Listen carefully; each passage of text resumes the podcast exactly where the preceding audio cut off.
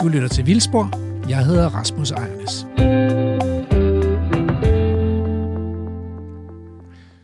Velkommen til Vildspor. Hvis jeg lyder sådan en lille smule tillakket, så er det rigtigt nok. Jeg har haft corona. Og jeg bliver nødt til at indrømme, at jeg havde, det, det var altså en pervers fornøjelse for mig at se de to streger på hjemmetesten. Nu har jeg kørt 20-30 af de der hjemmetest, ikke? og det har bare været nitte hver gang. Så det der med ligesom, altså endelig bingo. Og så også det, at så man godt tænke, var det en fejl? Men da min kone så også fik bingo, hende fik jeg jo smittet selvfølgelig, så, så var den helt sikker. Og der er også sådan en særlig tilfredsstillelse ved, at man har kontrol over situationen. Man ved, hvad man fejler. Normalt, når man har sådan en virus, så aner man jo ikke, hvad helvede det er. Det kan være alt muligt. Og man ved ikke, om det går til levesiden, eller hvad det gør. Men her, der nogenlunde klar over det, og havde hørt symptomerne fra, fra mine kolleger og sådan noget, vidste nogenlunde, hvad jeg kunne se frem til. Og det gik også sådan. Ikke 39, og så faldt feberen, og fire dage, og så var den egentlig. Så kunne man gå på arbejde. Så, men derfor øh, kan der komme et host i ny og næ. Men det der ønske om at kontrollere naturen, det kommer vi også til at tale om i dagens afsnit. Øh, vi skal nemlig se tilbage på rejsen mod vildere natur, og også lidt fremad. Og det skal vi gøre ved at lytte til klip fra tidligere afsnit af Vildspor, men også ved her i studiet så at, at diskutere, hvor kommer vi fra, og hvor er vi på vej hen. Og for at blive klogere på det, så har jeg inviteret en, øh, en gammel gæst i Vildspor her øh, igen. Museumsinspektør og chefkratlusker Morten D.D. Hansen. Velkommen. Tak skal du have. jeg, har, haft... jeg har nemlig også haft corona. Ja. Det er lidt længere siden, men den bliver godt nok hængende. Men du skal også snart skrive forfatter på dit øh, CV, fordi du har en bog på vej om øh, din kærlighed til insekter. Ja, altså jeg har jo skrevet en insektbog før på Gyldendal, som vist selv er fremragende. Men, øh, men jeg har aldrig lavet sådan en bog, der fortæller lidt om, hvad det handler om, fordi at mange af de fagbøger, vi laver, det er jo sådan noget, du kan bare google. Altså, i virkeligheden skriver vi bare det, som du kan google. Mm. Øh, jeg vil gerne prøve at skrive en bog om, hvordan det er at interessere sig for insekter i en verden, hvor insekterne har det rigtig skidt. Mm. Så det er det, jeg har gjort. Og den udkommer i næste uge? Den udkommer den 13. Ja. Spændende. Godt. Men øh, vi skal i gang, og øh, jeg tænkte, at vi skulle starte med på en eller anden måde at komme i stemningen i Hopla.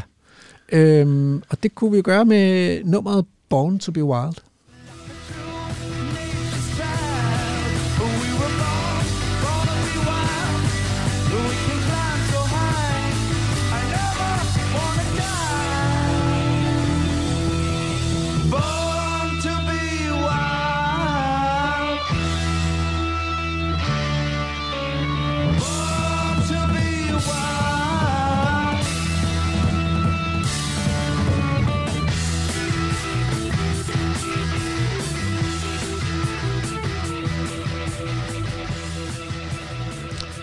Således i stemning, øh, så tænker jeg, at vi skal høre det, et klip fra det allerførste afsnit af Vildspor, vi lavede. Fordi der var vi nemlig på Mols Laboratoriet. Og du viste rundt, øh, Emil og Lærke. Øh, det var i øh, 2019, vi startede med at lave Vildspor. Så lad os lige prøve at høre det en gang.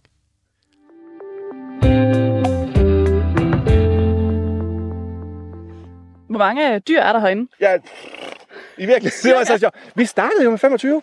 Ja. Øh, og fik allerede dengang at vide, at det er nok for mange. Forestil dig, at de 25 dyr skal leve på de her 120 hektar. De skal leve hele året, og de skal leve af, om vinteren skal de leve af den planteproduktion, der er akkumuleret om sommeren. Altså 25 er for mange. Ja, nu har vi 80. Nu har vi 80. Hold da op. Øhm, og det sjove er jo, det, der er faktisk noget rigtig sjovt ved det, det er, hver det eneste år, altså hver eneste vinter, første vinter tænkte jeg, ah, der skal nok dø et par stykker. Det gjorde der ikke. De, var, de, de klarede sig fremragende. Nå. Så var der 40 næste år de yngler, sådan nogle krapyler der. Mm. Øh, og det får de også selv, skal jeg lige understrege, det får de også selv helt lov til at bestemme, hvordan de gør. Altså tyren, han må bare som med hvem som helst, og de må slås indbyrdes tyrene, og, og hængsene det samme, ikke også? Men de var 40, og så tænkte jeg, okay, nu er der nogen, der dør. Det var der ikke. Nå. Så var der 60 næste år, vinter, og det blev en hård vinter, lang vinter. Det var jo mm. meget, meget lang og kold vinter ind i april og så videre. Vi tænkte, nu dør de. Det gjorde de ikke. Nu er de 80. På et eller andet tidspunkt tænker vi, altså, det må da være i år, de dør, men vi ved det faktisk ikke de er benhårde, sådan nogle heste at køre. Mm. Vi må ikke lade dem ligge og dø på arealet, men alt andet må vi. Så det vil sige, at bestanden den kommer til at veksle. Nogle gange så vokser den virkelig kraftigt, og så andre gange så kollapser bestanden i løbet af en hård vinter, og så er vi nede på et lille bestandsantal, og så går det op og ned. Hvordan vurderer I egentlig, hvor, hvor godt dyrene har det? Altså, hvornår vurderer I, at nu det kan det være tid til at vi, skyde dem? Eller? Vi skal jo se til dem øh, hver dag, og vi er ude lige og kigge, hvordan ser de ud, og vi scorer dem så en gang om ugen. Der scorer vi simpelthen det, der hedder hul. Det er sådan et landbrugsbegreb, men altså, ser de ordentligt ud. Ikke også? Og hvis, hvis de begynder at være meget magre, og pelsen begynder at tjavse og sådan noget der, så på et tidspunkt kommer de ned på et, et niveau, hvor vi siger, her har vi altså grænseværdien, her skal det tages ud. Og så tager vi nogle gange fat i en dyrlæge for at høre, om dyrlægen er, er hvad skal man sige, enig i vores vurdering, fordi vi skal jo nogenlunde være, altså, vi skal jo helst have sådan nogenlunde kalibreret syn på, hvornår et dyr skal ud, fordi sådan at der ikke kommer en ud en dag, nej, de ser sølle ud alle sammen, og mens den anden siger, at de har det fint. Altså, det skal mm. være nogenlunde objektivt. Øhm, og vi har bare ikke været der endnu, hvor vi har haft nogle dyr, vi skulle tage ud på grund af det her hul, altså på grund af sult. Vi har haft nogle dyr, der, altså der er en, der har flækket en klov, ikke? og så får man en kugle. Og, mm. og der er nogen, der, der er en ko, der er død under kælving, altså eller det der med, at kælvingen gik galt, så skyder vi også den, og det samme for en hoppe. Øhm, det er jo sådan, det går nogle gange. Øhm, men vi har ikke taget nogen ud på grund af sult. Ja. Øhm, det er hester og kvæg, vi arbejder med. Og, øh, og så er det, det har rigtig mange mennesker en mening om, især de der heste. Ja. Uh, men jeg startede jo med nærmest som det første at sige, de her heste kommer aldrig nogensinde til at blive fodret. Altså ja, det er virkelig vigtigt for mig at understrege, at vi går helt bort fra det her, hvad skal man sige, husdyrparadigme. De kommer aldrig til at blive fodret. Og heller ikke om vinteren, selvom de står og sulter og siger med. Det gør de jo så ikke, men eller et eller andet, ikke også? Øhm, øh, og det, var der, det faldt jo nogle, blandt andet nogle hestepiger lidt for brystet, ikke også? Så de mm. sagde, det vil i hvert fald gå ud og fodre dem, hvis det var vinter og så videre. Og det må man jo ikke. Altså det er simpelthen ikke en del af vores... Altså det må man simpelthen ikke Nej. i projektet her. Og så var det, jeg sagde, jamen okay, de dyr, I fodrer, dem skyder jeg. Hvis I fodrer et dyr, så er det dødsdom for dyret. Fordi det er så sindssygt vigtigt for os, at dyrene ikke forbinder mennesker med mad. Forestil dig nu, hvis sådan nogle heste har, har lært at blive fodret herude, og der så kommer en børnehave gående her, og de ser, så ser hestene lige pludselig nogle mennesker, så vil hestene som det aller, aller første tænke, mad, og så vil de blive opsøgende. Vindrosler. Der er nemlig vindrosler, der er pii, det er så stemningsfuldt. Op i togen. Ja. Øhm, så det er sindssygt vigtigt for os at understrege det der med, at de må simpelthen ikke blive fodret. Og det er der heller ikke nogen, der gør. Så dyrene forbinder overhovedet ikke mennesker med mad. De går, altså, når vi går forbi, sådan, de lægger overhovedet ikke mærke til os. Altså, de, de har travlt med at spise.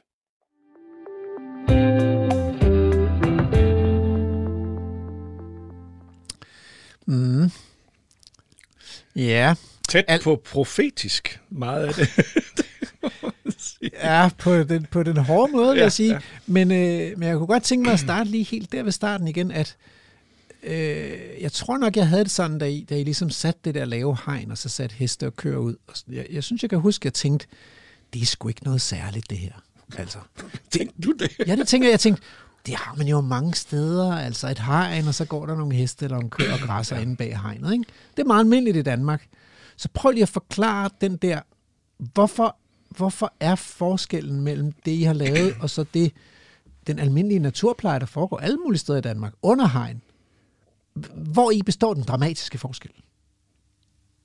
Du kan jo anskue det på to måder, kan man sige. Du kan kigge på arealerne, så kan du se det med det samme, at de arealer på Mols Laboratoriet ligner simpelthen ikke noget andet. Så der sker et eller andet, når du har dyr gående på den okay. måde, vi har. Og den måde, vi har dyrene gående på, det er, at vi lader føden fødetilgængeligheden og dyrenes tilstand bestemme, hvor mange dyr der er. Vi har ikke noget landbrugssyn på dyrene. Vi skal ikke nødvendigvis bringe 40 dyr frem til slagtning eller noget. Der er det antal dyr, som naturen den understøtter. Vi blander os overhovedet ikke. Den eneste tidspunkt, vi blander os på, det er, når, nogen ser, når dyr ser ud til at mistrives. Det må de ikke ifølge dyrevandsloven. Så tager vi dem ud af bestanden. Og tage dem ud af bestanden kan være to ting. Enten at forære dem væk til en, der gerne vil have dem med kort varsel, eller også så øh, aflive dyrene, og så ender de i repark eller ved dækker. Men, der, men det går stadigvæk bare dyr at køre der heste, og det gør der også i, hos landmanden. Så det gør du, Ja, men det der så sker, det, det der sker, altså det der er vigtigt at forstå her, det er, at dyrene også går der om vinteren og lever af udelukkende af det, som landskabet kan tilbyde om vinteren. I normalt husdyrhold de sidste mange tusind år, har man gjort det, at man har fordelt fodret ud over sæsonen på et areal. Altså det, man gør, det er så, at man har nogle dyr gående om sommeren, samtidig med, at man høster noget.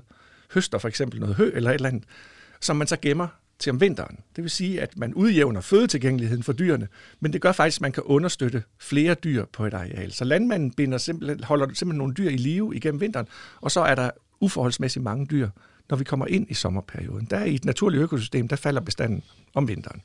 Dyren, det dyrene gør om vinteren ved at æde rigtig meget, de æder mange forskellige ting. De æder græsset op, de æder øh, altså alt muligt, vissen plantemateriale, frisk plantemateriale, de æder buske, knopper, de æder altså hvad som helst det er, der bliver spist op, og det ændrer konkurrencefordelene i naturen på en måde, som ikke har simpelthen ikke har fandtes i mange tusind år. Men landmanden, som så har de, holder de her dyr ja. og fodrer dem om vinteren, hvis han, sætter, hvis han sætter dyr nok ud i uh, naturen, øh, om sommeren, så, så bliver der jo også spist op.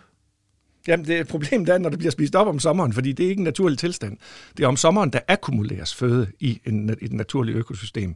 Så det vi ser på vores arealer er jo, at, at når vi kommer ind i maj, så overhaler vegetationen simpelthen dyrenes græsning, og så blomstrer det hæmningsløst. Det vi ser på rigtig mange naturarealer, det er jo, at i virkeligheden kommer hester og kvæg ud i alt for store tætheder, og så æder de det hele, så man allerede i juni, der står man med en golfbane. Øh, sådan ser rigtig mange af vores naturplejearealer ud. Jeg har jo stået i Mols Bjerge på tre høje en 15. juni, og ikke kunne se en eneste blomst i, mm. i, altså i området omkring.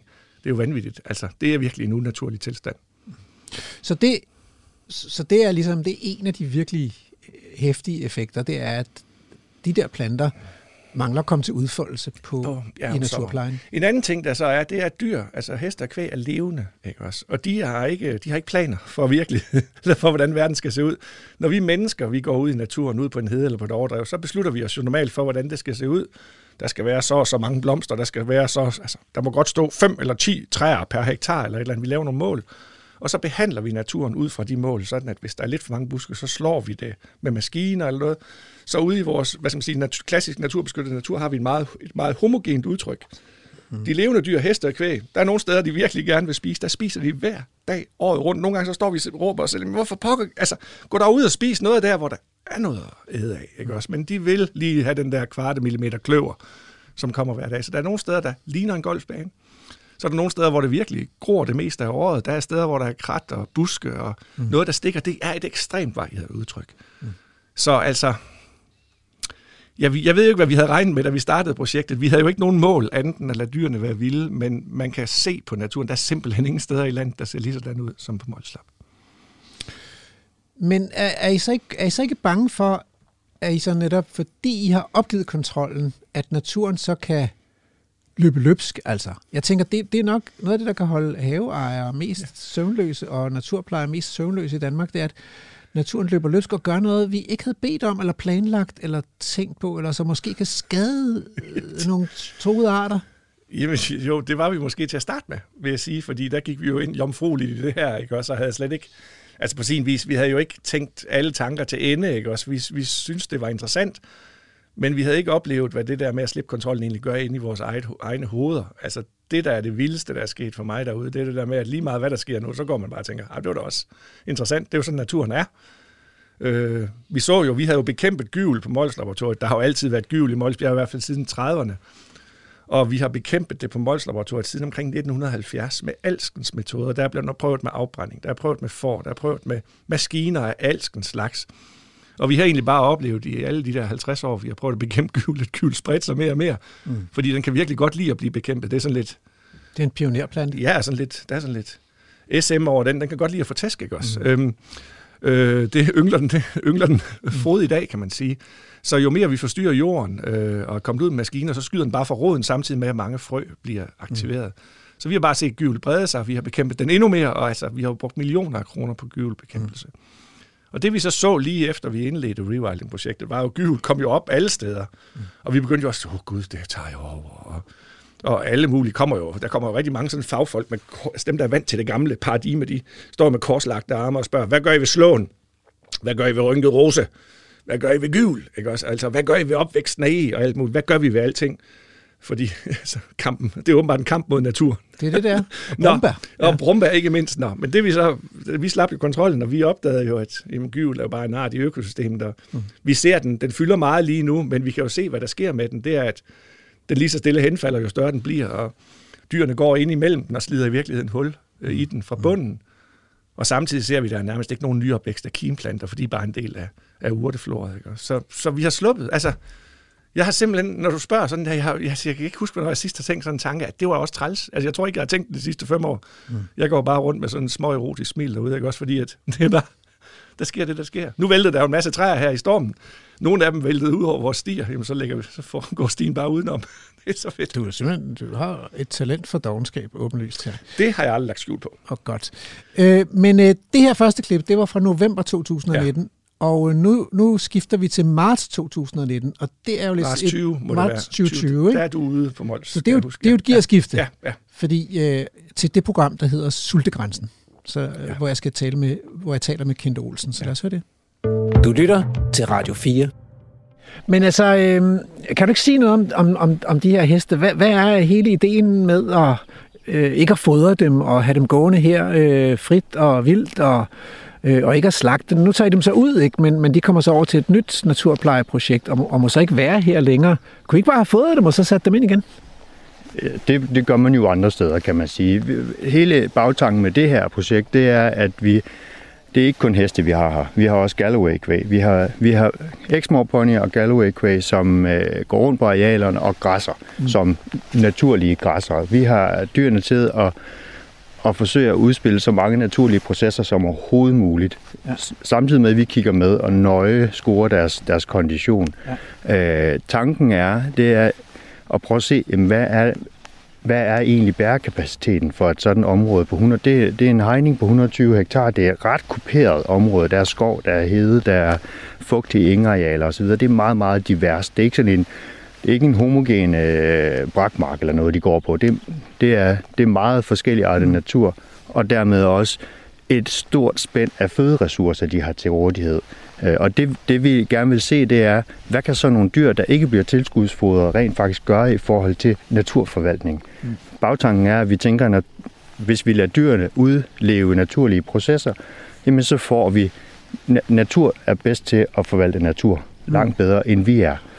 Øh, der er i forhold til dyrene, vi har en husdyrlovgivning, som vi, er under, som vi er underlagt, og de her kreaturer, de her heste, de er lovgivningsmæssige husdyr det vi forsøger med det her projekt, det er egentlig at, at highlighte, hvad dyr som det vi kalder det domesticerede dyr rent faktisk kan. Øh, så ved ikke at fodre dem, så ser vi, hvad, de, hvad det er, de går og spiser ud over græs. Okay, men hvad er det, så, så I har ikke fået dem nu øh, siden 2016, øh, fortalte Annie, at det ligesom var startet i, og ja. så de har gået herude i, i godt tre år, tre et halvt år, ja. uden fodring, og er blevet til mange flere dyr. I startede med 24 dyr, tror jeg, ikke? Og nu er der øh, over 70 dyr.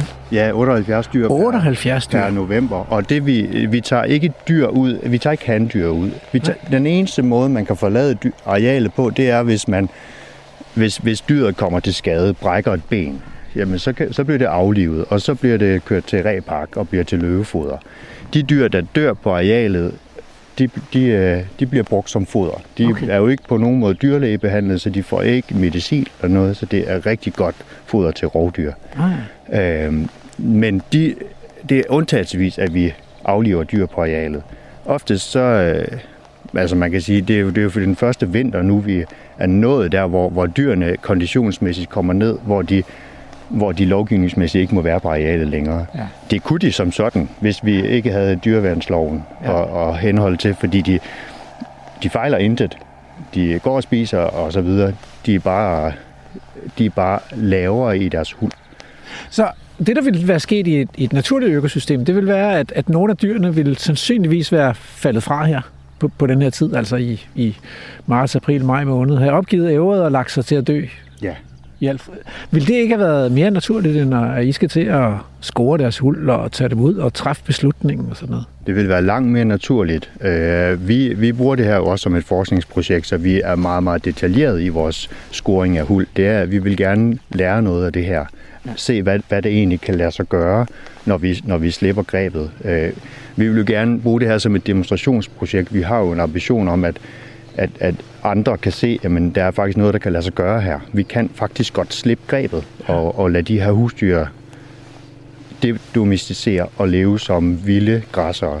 I erkendelse af, at vi ikke har nogle, nogle bestande af naturlige græsser, der, der er så høje, som det ville være, hvis de ikke var øh, Skal vi ikke lige øh, trække væk fra den der ATV der, øh, så vi får kan nyde fuglesang herude? Lad os gøre det.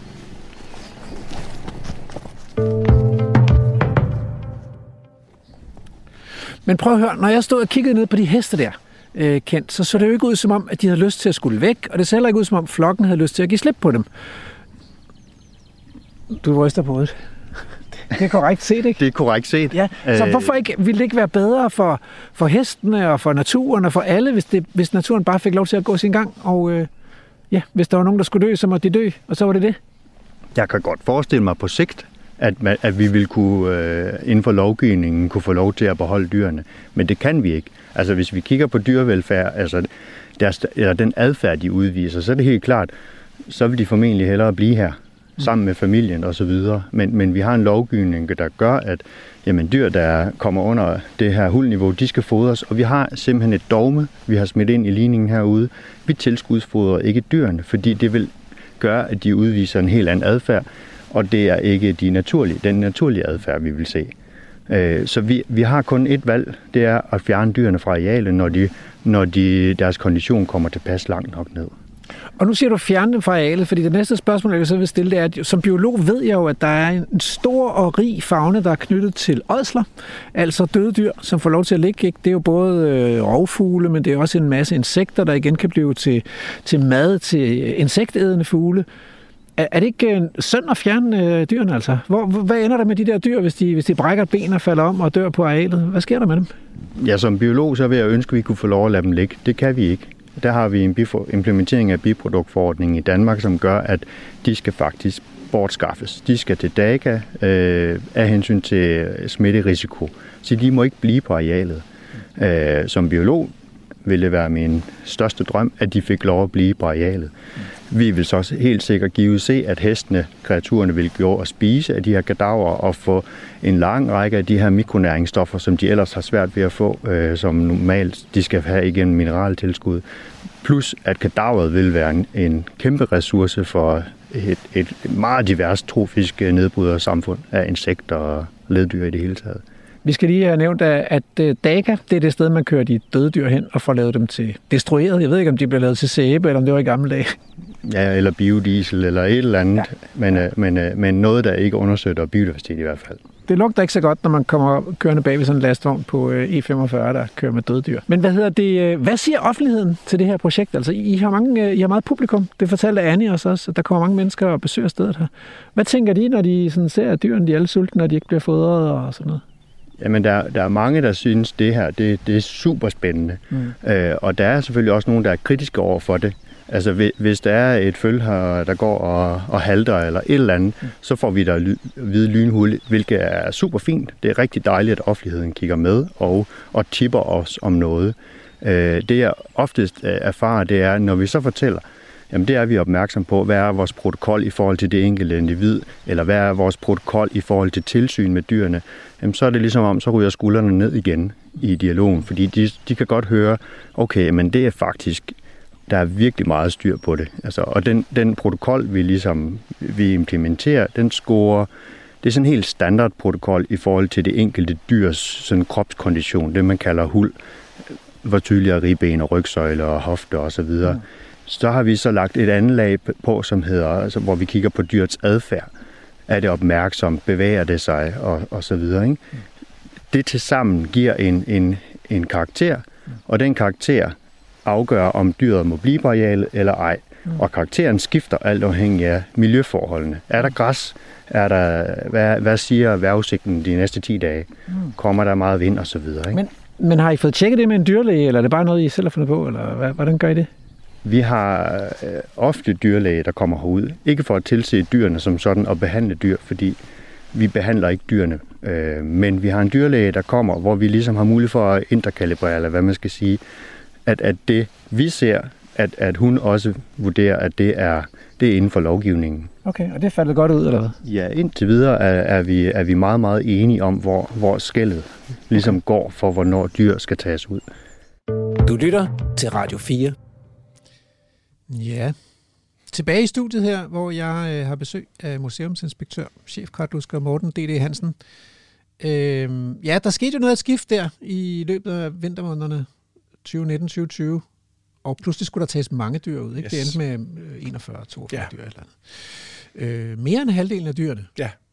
Det var jo fuldkommen forventet. Det er jo også det, jeg siger i det, vi hørte tidligere. Der. Det, er jo, det er jo sjovt at høre sådan noget her på to og et halvt, to, godt to års bagkant. Jo det der med, at der er jo ikke noget som helst af det, vi siger, som ikke skete, skete og ja. holde i virkeligheden. Ikke ja. også? Og vi vil sige det samme i dag. Øhm, der skete det, man kan kalde et mindre kollaps. Mm. Egentlig ikke et totalt kollaps. Altså, mm. vi, man, det kan man godt se, men altså, man, der er sådan i populationsbiologien, er det sådan ofte, at man regner med, at kollaps det er over halvdelen. Ikke? Også, mm. Og det var det her. det var helt forventet. Vi kunne simpelthen ikke forstå, at det kunne blive ved. Mm. Øhm, og det, der skete, de dyr, der ryger, altså, når, når vi tager dyr ud, det er dem, der altså, skal man sige, mistrives med et mangel, øh, hvad skal man sige, system i naturen.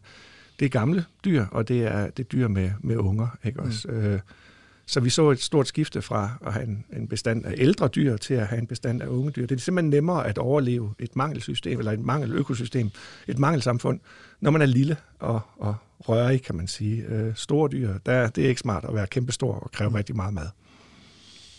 Og også et skift fra, fra hunddyr til handdyr. Til handdyr. Ja, vi ligger, lige, vi ligger med lidt flere handdyr nu, end vi har hunddyr, men, okay. men stadigvæk er det nogenlunde halv-halv. Okay. Vi startede jo med, jeg vil sige retrospektivt, vil jeg nok have grebet det anderledes an i dag, jo det der med, at vi startede med 12 hopper og 12 køer, og så en tyr og en hængst. Ikke også? Det er jo opskriften på at få rigtig mange unger meget, meget hurtigt, kan man sige. Hurtig vækst. Ja, hurtig vækst, ikke også? Ja. Øh, og ældre dyr. Øh, der kunne man godt være startet med mere naturligt, hvad man sige, aldersfordeling og kønsfordeling. Ja. Okay. Øhm, og det vi er i gang med her, det er et, øh, et, øh, et, et tilbagebliksprogram, hvor vi kigger på, hvordan er det gået med rewilding i Danmark, og, og vi kigger ikke mindst på, hvordan er det gået på Mols Laboratoriet, som er et af de mest ambitiøse rewilding-projekter i Danmark. Og øh, vi ser, har tilbageblik på tidligere øh, afsnit af Vildspor, og så taler vi om dem her. Og det her, det er jo oplagt sted, synes jeg, at tale om dyrenes tag. Mm. Hvad er egentlig i dyrenes interesse? Fordi mm. de her dyr, som lever mere vildt, og som ikke bliver passet af nogen, og som har fået frihed til at gøre, som de vil, de formerer sig. Ja. Og så bliver de flere, og det kan man sige, det er jo dokumenteret ekstremt præcist på Molslaboratoriet, altså en til en. De bliver flere, og på et tidspunkt så rammer de loftet, så er der ikke plads til flere dyr, så er der nogen, der skal dø, for der kan blive født nogen yes. igen.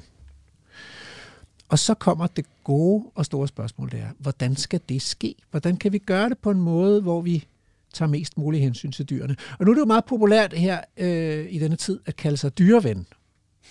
Øh, især blandt dem, der er kritiske over for at sætte dyr på fri fod, sådan som I har gjort på Mols Laboratoriet. Men jeg er også dyreven. Er du ikke dyreven?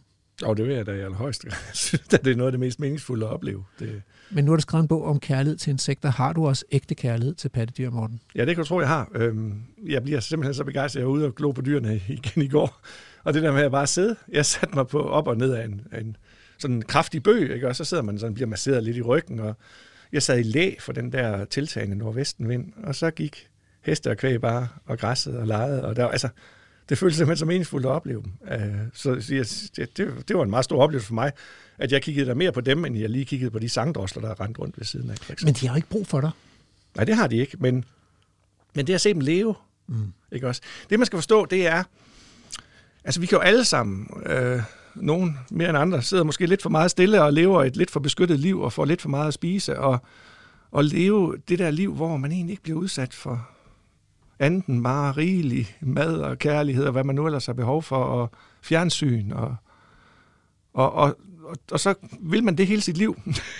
Eller vil man leve et liv med de opture og nedture, og de hårde perioder, man har, men også de der øh, med glimt af ren lykke. Og der er det min forestilling, at, at det er jo ikke min forestilling, at de her dyr lever et liv i idel lykke, altså hvor det hver dag er lige nem og lykkelig og så videre. I dag der blæser det og regner sådan lidt små sluder og det er lige nu, der er allermindst føde på arealerne. Det kan da godt være, det er røvsygt i dag. Alt talt. Mm. Altså, jeg kan også sige, at inden for de sidste måneder har jeg da også med corona og så videre oplevet det, man kan kalde aldeles røvsyge dage, mm. og en meget lang røvsyg og kedelig periode efterfølgende, hvor jeg lige skulle være i karantæne og sådan noget, ikke også? Mm. Der er altså et levet liv, det, altså det er jo et liv med op- og nedture, ikke også? Hvor der er altså med, med, med, med gode ting og med, med dårlige ting. Og de dyr, jeg ser, lever altså et et rigt liv. Mm. Et, et levende liv. Altså for pokker, du skal ikke forestille dig, altså uanset om vi taler krondyr, eller rådyr, eller grævlinger, eller mus, så er det altså så et liv, altså det er, det er en kamp. Det er også en kamp, ikke også? Det er både et, ud, altså, det, det er et spørgsmål om at udleve sit liv, men det er også et spørgsmål om hele tiden at kæmpe for at få lov til det, ikke også? Men, og på et tidspunkt skal det så slutte. Fordi, og det er jo livets cyklus, ja, det der det kan, med, det kan ikke lade sig gøre andet. Og for vilde dyr, der slutter det tidligere end for tamdyr. Ja, altså har man ja. sådan et dyr i en zoologisk have, ja. altså nu husk, kan vi jo godt huske fra Marius, at selv i zoologiske haver er der jo overskud af dyr nogle ja. gange. Og det er ikke altid, at man kan slippe af med dem, så skal man aflive dem, mm. så mhm. det, det må man lige huske. Men, men, men ellers kan de jo leve og blive meget gamle, og det gør de ikke ude i naturen. Nej, fordi... det er jo sådan, du ser i enhver opslagsbog om dyr. Der ja. står der altid, at der er en levealder i naturen, og en, altså en maksimal levealder i naturen, og en maksimal levealder i ja. fangenskab. Og fangenskab vinder altid. Og når den levealder er gået, så skal dyrene dø. Og ja. spørgsmålet er så, hvis vi nu som dyrevenner skulle komme med et bud på, hvad den bedste død var for sådan et dyr, der er, hvor det har nået sin ende. Ja. Hvad, hvad er det så?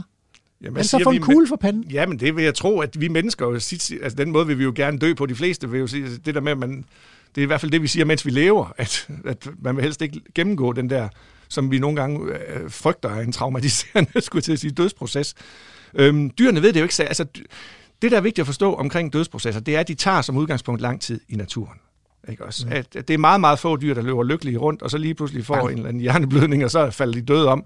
Det er ofte noget med, at du ved, man er kommet lidt til skade, eller man er blevet lidt for gammel, bliver lidt syg. Så begynder det at gå ud over fødesøgning og tørst. Altså, det, mm. så tager det en, nogle dage, ikke også? Mm. Og den proces er jo fuldkommen uafhængig af, om der er et hegn eller ej. Det er præcis samme proces, ikke også? Det er mere et spørgsmål om, hvad vi kan leve med her, tror jeg faktisk, end det er et spørgsmål om, altså dødsprocessen for dyr, den er som dødsprocessen er. Ikke også? Og det er den jo også for mennesker. Det, det er, er den meget, også for mennesker. meget ofte en langvar, lang, lang, langvarig øh, proces. Ikke? Og det er jo det, og det, det interessante her er jo, at der er jo flere, der sådan gennem tiden siger, at vi bør jo bare gå rundt og, og skyde alt, altså aflive. Når mm. vi ser noget, der har det skidt, så afliver vi dem, ikke også? Så udfrier vi dem. Vi for, udfrier dem? Jamen, det er sgu da sært, at den etik ikke starter med mennesker, så. Mm. Hvis det er så godt. Jamen, hvis det, hvis det skal være en global etik, så skal den da starte med os selv, inden at vi overfører den på andre. Mm. Ikke også? Og jeg har simpelthen ikke hørt ret mange argumentere for, at, at når folk kommer ind på en eller anden terminal afdeling, for eksempel på sygehus, at så ja. nakker vi sgu bare folk for deres egen... Altså, det, det gør, gør vi ikke. Nej, vel. Altså. Jeg vil altså også helst være fri. Jeg må tilstå, jeg er simpelthen nysgerrig. Altså, ja, ja, jeg ikke? Det er den eneste måde ja, at finde ud af, hvad der sker ja. på, når man dør, det er ved selv at gøre det. Du får så ikke ret meget mulighed for at reflektere efter, over det efterfølgende, selvfølgelig, kan man sige. Men, men, øhm, men indtil da, altså, det er også mest det der med, at det er sådan, det er. Altså, det, man skal forstå om døden, er, at det er et vilkår. Ikke også? Mm. Altså, vi kan ikke leve uden at dø, vel? Og det, jeg tror simpelthen, at der er så mange mennesker, der har så svært ved at finde sig til rette med det. Vi så jo i forbindelse med corona her også, altså, hvor altså, folk tager det jo som personlig fornærmelse nogle gange, når de bliver syge, ikke også? Altså, det er virkelig sådan... Men altså, man tager jo heller ikke en sovepille, inden man tager turen i den store rutsjebane. Altså, Nej, for, for det gør man opleve, ikke. Så betaler, man betaler ikke for noget, man ikke oplever. Man, så jeg synes man, også, det, det er sådan lidt... Ja. Man skal da have men det altså, med. Men, jeg, men jeg har det sådan med de dyr på Molslaboratoriet. Når jeg ser dem... Altså, vi har en dyreværnslovgivning, der siger, at vi skal forhindre lidelse. Mm. Og jeg ser ikke de dyr lide. Mm. Vel? Altså, det gør jeg ikke. Øh, det er klart, at bringes de derud, hvor det begynder at nærme sig en dødsproces, så, kan man, så er det jo der, hvor man skal tage stilling til det. Men, men så længe, at de render rundt, som de gør lige nu, så ja. er der altså ikke nogen af dem, der lider. Punktum. Nej, og, og man må jo ikke efter og du nej, kommer nej. tilbage til at snakke ja, om den ja, der husdyrvelfærdslov ja, ja. lige nu. Men jeg, nu var det bare, i, hvad, hvad, hvad er egentlig i dyrenes interesse? Godt. Nu synes jeg, vi skal se, høre et klip, øh, hvor jeg taler med Kenneth Book, for at vi lige får løftet blikket lidt og kigget ud af den danske andendam på, hvordan er det så i Sydafrika, der hvor man har mange flere års erfaring med rewilding.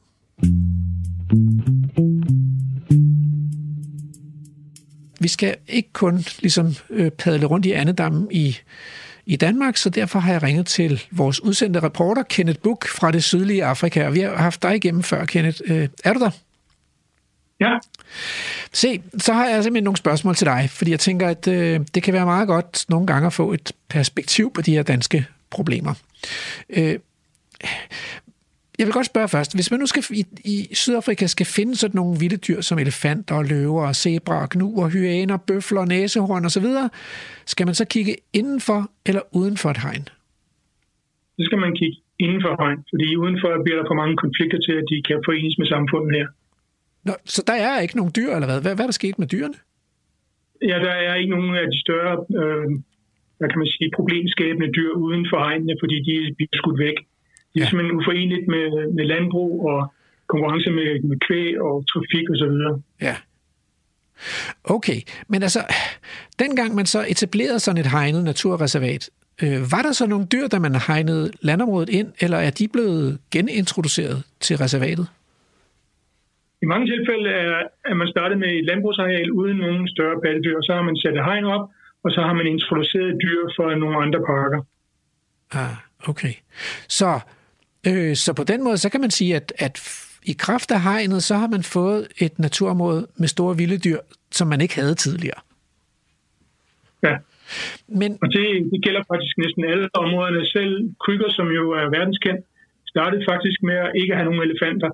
De er så indvandret af sig selv, de er ikke blevet genindført, men uh, for eksempel sort næsehund er blevet genindført til krykker.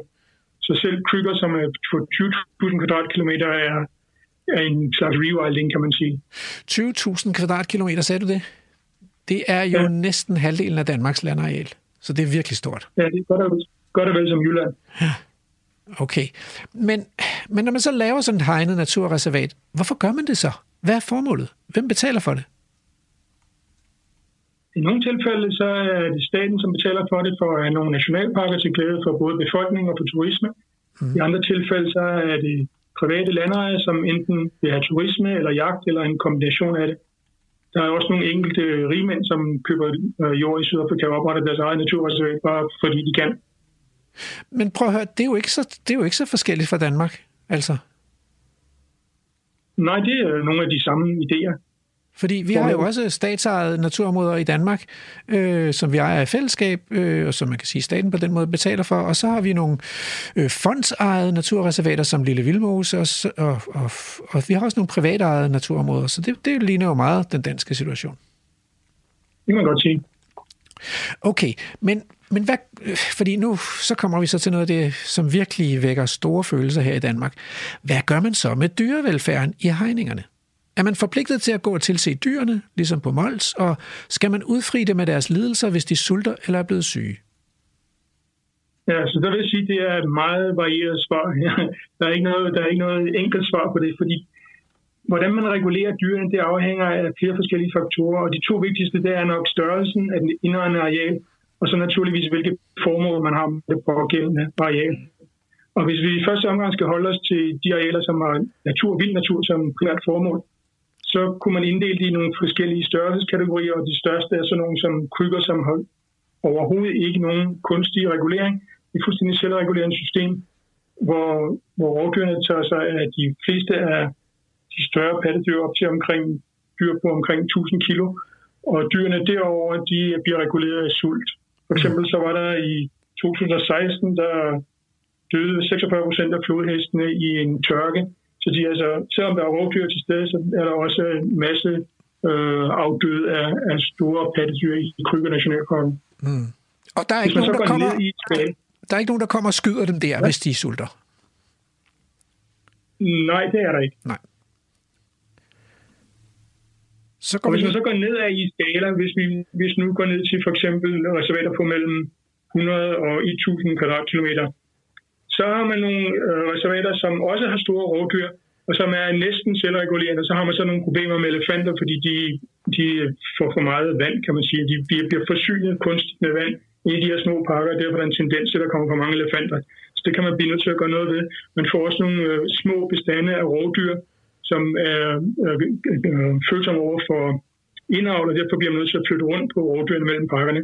Men i princippet så er de meget tæt på at være selvregulerende. De er reservater altså på mellem 100 og 500 kvadratkilometer. Nogle størrelser, som man faktisk godt kunne komme op på nogle steder i Danmark.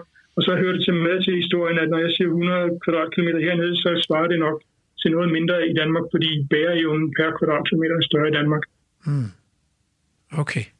Men, men hvis man ikke hvis man ikke skyder de her dyr, øh, er, er der nogle steder, man, man ligesom øh, løser problemet med sultne dyr ved at, ved at skyde dem? Øh, eller løser man det ved at tilskudsfodre dem? Eller? Ja, det varierer også meget. Hvis vi går ned i de mindre størrelser, der er for eksempel nationalparker mellem 10 og 100 kvadratkilometer, og der går man typisk ind og enten estimerer man, hvad man forventer, at bæreevnen vil være, og så fjerner man et antal dyr, for eksempel kan det være til i nogle tilfælde, hvis det ikke er nationalpark, hvis det er en, en, et naturreservat, så kan man have jagt i en, en vis udstrækning. Ja. Hvis det er en nationalpark, så har, har man ikke lov til at have jagt, så fjerner man i stedet for dyr, man indfanger dem og sælger dem til andre reservater. Ja. En anden, en anden metode, i stedet for at gå ind og prøve at estimere øh, bæreevnen, hvilket kan være meget svært, så kan man i stedet for øh, optælle dyrene, og det foregår typisk for luften med fly, optælle dyrene hvert år eller hvert andet år, og så kan man estimere, hvor meget bestanden er steget Og så er der i nogle tilfælde, hvor man så beslutter at fjerne cirka halvdelen af tilvæksten, sådan at man altså lader kan man sige, bestanden næsten bestemme selv, hvilken retning og hvilken størrelse den vil have, men man tager ligesom toppen af, så man ikke får de her store øh, masseafdøde øh, i, i tørkesituationer. Okay. Mm.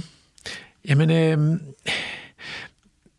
det vil sige, at øh, Får man en bøde, hvis, hvis der kommer nogen, eller er der, risikerer man, at der kommer nogen og lukker ens reservat, eller sådan noget? Er der noget lovgivning, eller er det her snart et udtryk for sådan en, en etisk, en, en fælles etik omkring, hvordan man holder sådan nogle reservater? Der er ikke så streng lovgivning Sydafrika omkring det. Der er et krav, øh, når man har et privat naturreservat på en vis størrelse, og med nogle, med nogle øh, rettigheder til at selv regulere antallet af dyr, og selv bestemme, hvilke nogle dyr, der skal skydes, at man har en forvaltningsplan, og den forvaltningsplan skal der gøres reddes for del, hvordan man har tænkt sig at holde dyrene inde, så de ikke kommer til gene for andre mennesker, men også hvordan man har tænkt sig, hvor mange dyr der skal være, hvilke nogle arter, og hvad man har tænkt sig at gøre for at øh, opretholde nogle passende bestandsstørrelser. Og der, der er en, nu er Sydafrika en forbundsstat, så der er forskellige regler på de forskellige provinser, i nogle provinser, der har man slet ikke lov til at fodre, medmindre det er helt exceptionelle øh, tørketilstande. Mm. Mens man i andre områder, der giver man det ligesom op til ejeren selv at bestemme, hvordan man vil forvalte området. Mm. Okay. Jamen altså, det giver jo meget mening i forhold til sådan en, øh, en, øh, en dansk kontekst, så øh, altså, hvad vil du sige, hvis man skal lave en stor dansk naturnationalpark? Øh, hvad er så opskriften? Lad os nu sige, at vi har hegnet hele Thy Nationalpark på 21.000 hektar. Hvordan skulle vi så forvalte dyrene? Skulle vi... Øh... Det optimale vil selvfølgelig være, at vi havde ulve til at, til at forvalte den, ja. eller til at, at nedlægge sultne dyr, sådan så vi fik en naturlig regulering. Uh, dels, at, altså fortsat vil det jo være sådan, at det er fødetilgængeligheden, som regulerer bestandsstørrelsen primært. Ja. Men man så får den situation, hvor de svække dyr, de vil blive taget af ulve, hvis det nu er det primære rovdyr, der er i nærheden. Ja. Um, det er klart, at hvis vi ser, ser på de, nogle af de større dyr, så er det ikke sikkert, at ulven kan nedlægge, men i hvert fald vil de kunne tage ungerne af de pågældende bestande. Ja. Så det vil øh, faktisk måske kunne, øh, kunne klare problemet. Jeg tror simpelthen, øh, jeg vil sige tak for dine mange gode perspektiver fra Sydafrika på de danske udfordringer. Det var så lidt. God dag. I måde. Hej. Du lytter til Radio 4. Nå, øh, jamen altså, øh, det er jo slet ikke så svært, og der er andre lande, der har årtiers erfaringer med den her type af forvaltning, som som vi råder rundt med her i Danmark på nuværende tidspunkt. Hvorfor skal det være så svært altså? ja, du spørger mig om, hvorfor det skal være så svært. Det skal det, fordi der er tusindvis af års kultur og identitet, i hvert fald hundredvis af års kultur og identitet forbundet med det at have dyr i naturen. Øh, og vi har ved Gud aldrig været særlig gode til i det her land at, at slippe de naturlige processer fri. Så det, at man lige pludselig gør det, det, det er jo sjovt, det der med i øvrigt, lige så fat i de to første indslag, vi hørte fra Mols Laboratoriet, der var der ikke nogen, der ord, nævnte ordet naturnationalparker, fordi der var ikke nogen, der havde lavet det til politik. Alt det her ballade, der er kommet om det, er jo først kommet efter, at det bliver nationalpolitik, og at øh, små isolerede projekter, hvad enten det er Vildmosen, eller Langeland, eller Molslap, de har egentlig kunne leve relativt anonymt, men i det øjeblik, at, at de her projekter bliver template, eller hvad skal man sige, sådan en skabelon for, hvordan man måske kunne gribe det an, nationalt, så kommer balladen, fordi der er interesser alle steder i det her land. og det er jo det, der er. Der er interesse. Vi lever i et lille land. Øh, alt kan dyrkes. Mennesker kan være overalt. Øh, alle har interesser. Alle har en mening. Og alle har en mening, og øh, uden nødvendigvis at have særlig meget erfaring. og så er det, at, at balladen opstår. Øh, det behøvede ikke være særlig svært. Vel, ikke også? Øh, men problemet er jo, øh, som øh, Habu kan siger fra Sydafrika, det er jo også det der med, at at vi har brug for de hegn. Der er simpelthen ingen vej udenom. Altså, vi kunne godt slippe vores heste og kø, køre eller kvæg på Mols løs. Mm. Men i morgen vil de stå op i Lyngsbæk Gård og hede i, i de gode høje energiafgrøder, ikke også? Altså, det vil de næppe være begejstrede for på naboejendommene, mm. når hestene går derud. Øh, det kan simpelthen ikke lade sig gøre. Hvis vi skal have store dyr i Danmark, så store dyr som heste og kvæg, så, men, så slipper vi ikke udenom det hegn, og så opstår balladen. Men jeg kan bare også, jeg kan, jeg kan ikke lade være med at tænke på, at, at politikerne også har været nogle Vatnæsser, sig nu bare. amatører. Ja, ja, ja. Jamen, det synes jeg, de har, fordi ja. de træffer en beslutning, ikke? Jo. Så burde vi jo, vi, vi er jo, vi, hvis det et, Altså et civiliseret, jamen, højt udviklet, moderne afbryde, samfund. Ja, men jeg vil afbryde dig her, Rasmus, fordi det er første gang nogensinde, at de politikere har taget en beslutning om Danmarks natur. Ikke også? Altså. Det er for første gang. Jamen, prøv, det er jo, al begyndelse er svær. Men det der har handlet om, og det er jo også det, jeg har hørt dig sige de sidste 10 år, når folk kommer og spørger sådan nogle fagfolk som også, hvor meget natur vil I have? Hvor vi gang på gang siger, at det er ikke vores det er ikke vores anlæggende at sige, hvor meget natur vi vil have. Det er befolkningen, Godt. det er politikerne. Det var flot, ja. at de tog en beslutning. Ja. Men hvis de, ja. så, hvis de så i det mindste var klar over, at det her det er nyt, det er første gang, ja. vi gør det, så vil de jo netop søge hjælp. Så vil de have spurgt, så vil de have ansat sådan en som Kenneth fra Sydafrika, ikke også, og som har så stor erfaring med netop lige præcis det her, ja. ikke også, som adskillelse af af konflikterne, eller hvad skal man sige, det, det, de gør, det, de gør, det er, de sammenkalder alle de interessenter, ja, som har ja. 100 forskellige ja. meninger og ingen viden. Og så tror de, at, det, at hvis de laver, kører sådan en proces, ja. en demokratisk inddragelsesproces, ja. så bliver det godt. Men det gør det jo ikke, fordi der er jo stadigvæk ikke kommet professionelle folk Nej. til, altså. Nej, men, det, men Jamen, det, er, jo, det er jo Danmark i en nødskal. Det er Danmark i en nødskal, ikke også? Vi er et konsensussamfund, ikke også? Og alle skal høres, og alle skal have en eller anden fornemmelse af at blive hørt. Jamen, det er også og problemet, fint. problemet opstår, når du ikke kan gøre alle tilfredse. Ikke også? Der er jo tilfælde, hvor det simpelthen, hvor du må sige, her må vi tage en beslutning om, hvad det er, vi prioriterer. De har jo taget beslutning. Ja, altså, ja, jamen, det har, hvis man kører ja, den her, jo, men det har de så ikke alligevel. Ikke? Ja, konsensusproces ja, som en demokratisk proces, ja, inden man træffer ja, beslutningen. Ja. Men når man har træffet, ja. truffet beslutningen, helt op til statsministeren. Jeg forstår, hvis det var en miljøminister, der havde fusket det igennem, eller sådan noget, men ministeren, statsministeren ja. har sagt, vi skal have vild natur. Vi skal have store ja. vildlevende ja. områder med, med vildlevende heste ja. og, og kvæg og sådan noget. Ikke? Og de ja. skal bare rende rundt der og hygge sig og sådan noget. Ja. Så er det noget dertil, hvor man så i virkeligheden bare skal i implementeringsmålet. Ja. Hvordan gør vi det så? Ja. Og vi behøver ikke at genopfinde den dybe tallerken. De har gjort det i 50 år ja. i Sydafrika. Ja, ja. Men jeg ser det samme i sygehusvæsenet og alle mulige andre steder.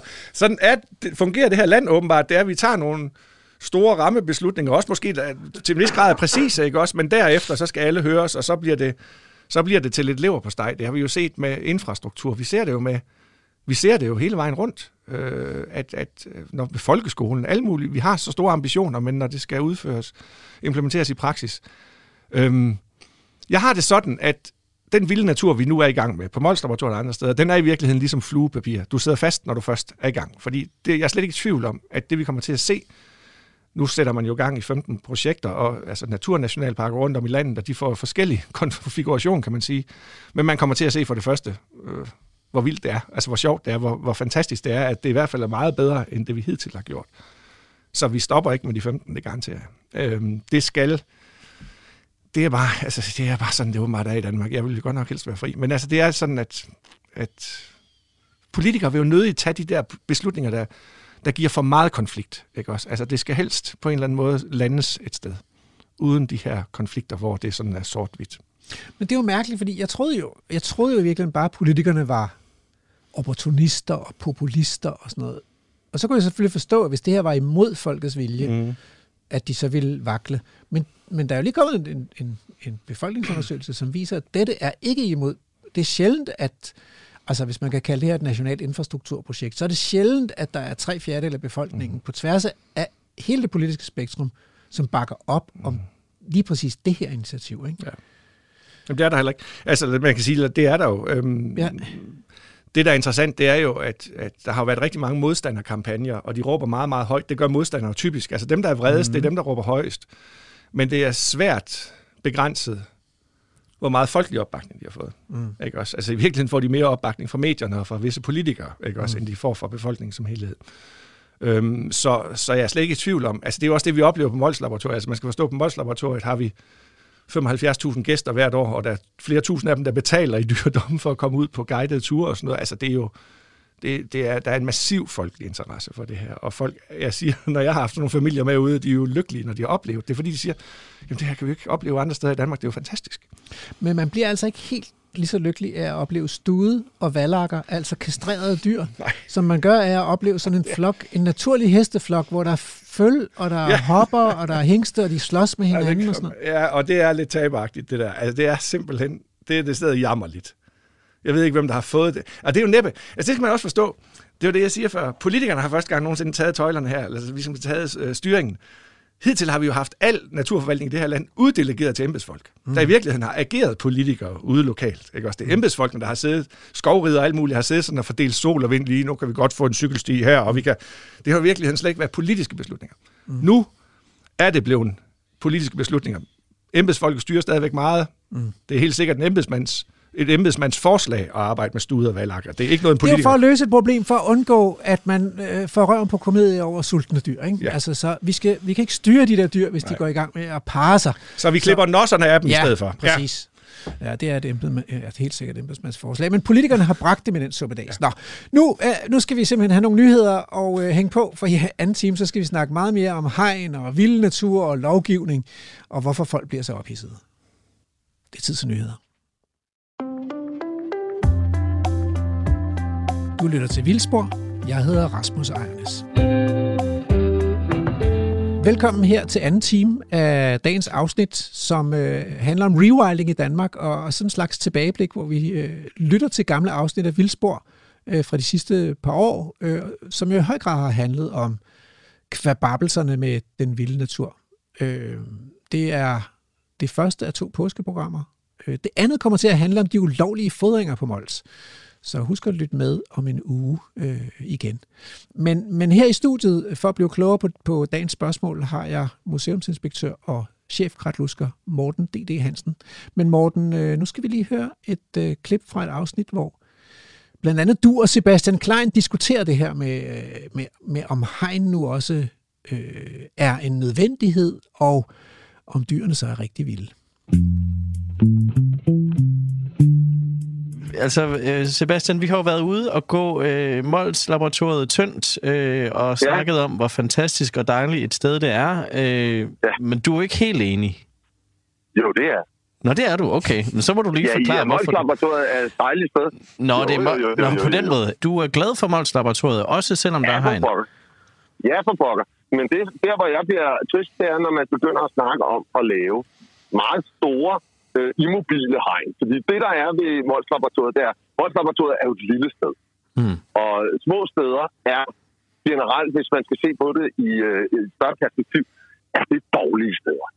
Fordi vi skal have store arealer. Det er det, naturen kræver. Det kræver plads. Det kræver, og når jeg, mener, når jeg siger plads, så mener jeg faktisk arealmæssig plads. Vi skal have store naturområder. På den måde hindrer vi arter i at uddø. Alt det her, det handler jo i princippet om arter. Og hvis vi skal beskytte arterne, så skal vi have store områder. Fordi det, der sker, det, det der er den største årsag til, at arter uddør, det er det, man kalder fragmentering af levesteder. Og det vil sige, at vi får små klatter rundt omkring i landskabet, som indeholder rigtig, rigtig god natur. Og selvom, der, selvom vi så tænker, at der er rigtig, rigtig god natur lige her, så hvis der ikke er, hvis der ikke er plads rundt omkring, hvis det ikke er et stort areal, så vil arterne på et eller andet tidspunkt ganske givet uddø. Alligevel, selvom der på det her lille område er rigtig, rigtig fin natur. Det vil sige, at vi skal tænke i, at vi i princippet skal udvide naturen. Og det skal vi jo også tænke på Mols. Og Mols er jo et helt oplagt sted at udvide naturen. Fordi øh, vi har de her elhegn rundt om Mols, laboratoriet, men vi har jo sådan set også øh, Mols Bjerge i baggrunden, og vi har øh, en kæmpe stor øh, nationalpark, som det i mit perspektiv er oplagt at sige, det her, det skal vi stå sammen og gøre til det bedste, vi overhovedet kan. Fordi så får vi de her store naturområder, hvor øh, de arter, der er, ikke er i fare for at uddø på grund af fragmentering. Det vil sige, hvis, øh, hvis vi nu forestiller os, at vi har en, øh, nogle helt fantastiske arter på, på Mols Laboratoriet, hvilket vi har, men som kun er på Mols Laboratoriet, så vil der ske det på et eller andet tidspunkt, og det er nærmest uværligt, at der vil komme øh, en eller anden øh, økologisk hændelse, som er ugunstig for lige nøjagtigt den art. Det kan være, at det er en sommer, hvor det øh, pissøs regner, eller det kan være, at det er tørke, eller det kan være, at der er en eller anden form for sygdom. Og der bliver arterne langt mindre modstandsdygtige, hvis det er, at de, de ikke har et større areal, et større udbredelsesområde, hvor de kan tåle og uddø i små enklaver, hvor de så samtidig har et, et, et tilstødende areal, hvor de har det godt, og hvor de så kan genindvandre året efter eller årtiet efter. Så derfor er begrebet plads så vigtigt. Arealmæssig plads er sidevægtigt. Og øh, der er det jo rigtig smart at have nogle hegn, som man i virkeligheden bare kan sige, nå, nu klipper vi lige de her eltråde, og så, øh, så sætter vi dem over øh, og, og inddæmmer hele, hele Mols Bjerge, eller Mols, øh, altså udvider området, simpelthen arealet, sådan så at vi på den måde kan sikre en større og mere, hvad skal man sige, en mere diversiv og mere, øh, øh, ja, en bedre natur. i virkeligheden på den måde. Sebastian, det lyder som om, at du er fuldstændig enig med Morten i, øh, i, i det hele. Er det nej, rigtigt? Nej, det er overhovedet ikke enig, for han... Nej, han men nu skal vi, så skal vi, vi skal til at have noget øh, øh, kon, kon, kontroversielt på banen, ikke? Øh, altså, Morten fortalte jo, at, at I, I to øh, på et tidspunkt simpelthen kom til at køre alt for langt på en optagelse, fordi I var oppe og diskutere. Det, ja, det, det er rigtigt. Vi, vi havde en meget, meget stille øh, producer med os, som, som blev helt stille, fordi at vi simpelthen blev så, så ej. Jeg kan faktisk ikke helt huske, hvad det var, vi diskuterede. Okay. Men altså, i, i det store perspektiv er vi jo rørende enige. Men der, det er jo også de små nuancer. Og ja. når man går så meget op i det, som meget Morten går, gør, så, så, øh, så, så, går der, altså, bliver de der små nuancer under tiden meget betydningsfulde. Men så du, du synes altså godt, at man, man kunne fritlægge næsten hele øh, Mols øh, område til, til øh, øh, og så putte hegn rundt omkring. Men hvad, hvorfor er det så galt med for eksempel Gribskov og sætte hegn op der? Det er heller ikke galt, men det er galt, hvis vi gør det med de store hegn, fordi så er det, at vi laver en frivillig fragmentering af vores natur. Og det er simpelthen, øh, det er simpelthen ikke særlig smart. Fordi lige så snart vi sætter de her store krondyrhegn op, de er store, de er dyre, og øh, de er ikke umiddelbart mobile, de er ikke umiddelbart til at lægge om. Og det vil så sige, hvis vi tager et område af Gribskov og siger, det her, det hegner vi inde, fordi at her vil vi have kronhjorte, eller vi vil have elge. Det synes jeg, det er åndssvagt, fordi man ikke har tjekket området ud, før man, før man overhovedet begynder at snakke om, hvad det er, at man, man vil sætte ud. Øh, men, men generelt så gør vi det, så, så skaber vi fragmenteret natur på den måde. Og det er jo ikke meningen. Det er jo netop det modsatte, der er meningen. Vi skal skabe stor natur. Vi skal have store naturområder. Vi skal ikke have små enklaver rundt omkring vores land. Så jeg skal bare forstå det ret. Det er simpelthen højden af hegnet, du har et problem med. Det er det, det er ja, det er ligesom... klart. Ja, fordi højden af hegnet forhindrer jo andre arter i at bevæge sig. Morten, du, ja. nu skal du også på banen her. Du nævnte jo, du nævnte jo i starten af vores reportage, at, øh, at der skal ske noget. På et eller andet tidspunkt skal Mols Laboratoriet ud, udvikles, eller på en eller anden måde. Og du snakkede om geder, og så snakker du også om hjorte. Jamen, jeg snakker om, at, at det, vi har sat ud i vores system nu, det er jo heste og kvæg, og det er Sebastian jo inderligt enig i. Det, der bare kan komme til at ske, og det ved vi jo ikke endnu, det er, mangler vi dem, der æder mm. Øh, hvis vi gør det i vores landskaber, så har vi, og hvis det er sådan generelt vilkåret i vores landskaber, når vi begynder med de her græsningsprojekter, at vi kommer til at mangle de her trææder, så har vi et strukturelt problem, som kun kan adresseres med de større hegn. Mm. Ikke også? Altså hvis man vil det. Øh, fordi at, at, det ved, den diskussion har Sebastian og jeg jo også taget flere gange. Hvad skal vi gøre ellers? Altså hvis ikke vi har de her hjorte og elge under et hegn, så vil de aldrig nogensinde optræde i tætheder, der for alvor får en økologisk betydning. Og altså enten så skal vi til at sætte skovarbejdere ud for at lave de funktioner, ikke også? Eller også så skal vi acceptere, at vi har brug for de her store vildhegn til at holde det her hjortevildt i større koncentrationer. Og det er et skisma, ikke også? Fordi at, mm. at, at altså på Mols Laboratoriet vil vi formentlig, men, men det er jo ikke overhovedet, altså vi er jo ikke der endnu, men hvis vi skulle vælge, ville vi nok på 1,2 kvadratkilometer, som vi har lige nu, så vil vi nok vælge geder fordi jo mindre et areal er, jo større relativ betydning har hegnet. Altså forstået på den måde, at der skal 11, kvadrat, 11 kilometer hegn omkring vores 1,2 kvadratkilometer. Øh, men hvis vi nu havde 12 kvadratkilometer i stedet for, så skulle der ikke 110 kilometer hegn omkring. Altså, så bliver hegnens øh, længdes øh, i forhold til areal, det bliver, betydningen bliver mindre af hegnet. Mm. Så, men vi skal gøre noget for at få de her store tætheder af de her planteder. Det er derfor, vi har brug for de her hegn. Fordi hvis vi bare i dag lod Danmark ligge uden hegn, så vil vi godt nok have hjortevildt, og vi vil, altså, men vi vil jo ikke have hester og kvæg. Dem vil, er der jo ingen, der vil acceptere uden for hegn. Altså, hester og kvæg kan kun være inden for hegn i Danmark. Det er simpelthen loven, som den er i dag. Og problem, problemet er bare, at, at hvis vi skal have hjortevildt i de koncentrationer, der for alvor gør, altså lader sig gøre en økologisk forskel, så har vi også brug for hegnet. Så man kan jo håbe på, hvis man skulle sige noget, så skulle man jo håbe på for alles skyld, at hester og kvæg faktisk kan holde de her områder mm. delvist åbne. Ikke? Også fordi hvis ikke, vi, hvis ikke de kan det, så har vi æder magt med et problem. Hvis, hvis ikke de kan det, Sebastian, hvad gør vi så? Øh, det er sgu et godt spørgsmål. Hvad gør vi så? Så er det jo, så er det jo spørgsmålet, om vi skal acceptere øh, den, hvad skal man sige, at jeg er ked af at kalde det en forringelse. Men, men, øh, men det er det jo et eller andet sted at sige, jamen skal vi acceptere, at vi forringer naturen enten ved at begrænse dens adgang, Altså ved at sige, jamen hør lige her, her er der kun adgang til de hjorte, der er ingen steder, der ikke er adgang for. De kan ikke gå ud, og der kan ikke komme fremmede hjorte ind. det er jo en klar forringelse af naturen at sige, jamen vi begrænser simpelthen adgangen for, altså vi har jo allerede gjort det, kan man sige, med, med vildsvinehegnet nede ved grænsen, hvor vi har begrænset naturens frie adgang. Jeg, det, det er jo sådan noget, som jeg finder en lille bitte smule forstemmende, når man gør den slags ting ved naturen og siger, jamen hertil og ikke længere. Her skal der være natur, og her skal der ikke være natur. Og øh, der er en hårdfin grænse mellem de to ting. Det synes jeg jo er en, hvad skal man sige, en, en trist udvikling, men det er jo også den, det er jo pra, øh, pragmatisme, hvor man mm. siger, jamen, øh, vi er nødt til at gøre et eller andet. Øh, er, men er, er, er, er du parat til at acceptere den forringelse så? Hvis det, hvis det betyder... Øh... Ikke på stående fod, fordi, fordi vi mangler jo stadigvæk at få videnskaben med. Ja. Altså, det er jo der, hvor Mols Laboratoriet er så fremragende som det er, fordi at vi bliver klogere af det. Og det er også derfor, at jeg i virkeligheden langt hen ad vejen vil modsætte mig udsætning af geder på Mols Laboratoriet. Fordi jeg mener, at vi skal være helt sikre på, hvad det er, der sker på Mols Laboratoriet, før at vi begynder at tænke. Fordi forskningen er jo ikke nået særlig langt. Og vi kan også sige, at der er også forskel på landskaber. Mols Laboratoriet minder ikke om øh, for eksempel Nationalpark Thy. Det er jo noget helt andet. Det minder ikke om Oksbøl eller, eller Forsø eller Klosterøen, eller sådan noget. Der, der er jo forskel på, på natur, og der kan være forskel på, på krav, og der kan være forskel på, hvor, øh, på græssernes indvirkning, kan man sige, og på hvilke græsser, der skal være hvor. Så det er jo ikke givet, at selv når vi får et resultat fra voldslap, så er det ikke givet, at, at det er det resultat, som vi skal øh, proppe på resten af Danmarks natur. Fordi vi har en forskellig artet natur. Det er vigtigt, at vi holder fast i den forskellige artede natur. Men Molslaboratoriet, de forsøg, som bliver lavet der, græsningsforsøg, er jo afstændig interessant. Mm. Og, vi, øh, og vi skal bruge det her. Og vi skal bruge, øh, vi skal bruge forskningen, men vi skal gå efter... Når, når vi snakker for eksempel Gribskov, så er jeg fortaler for, at vi skal gå efter, hvad vi ved, der virker. Og vi skal ikke kaste os ud i at lave dumme forsøg, i hvert fald. Altså, der er, der er mange, der er fortaler for, at vi skal sætte alt ud, hvad der overhovedet kan sættes ud i gribskov, og så må vi se, hvordan det så går.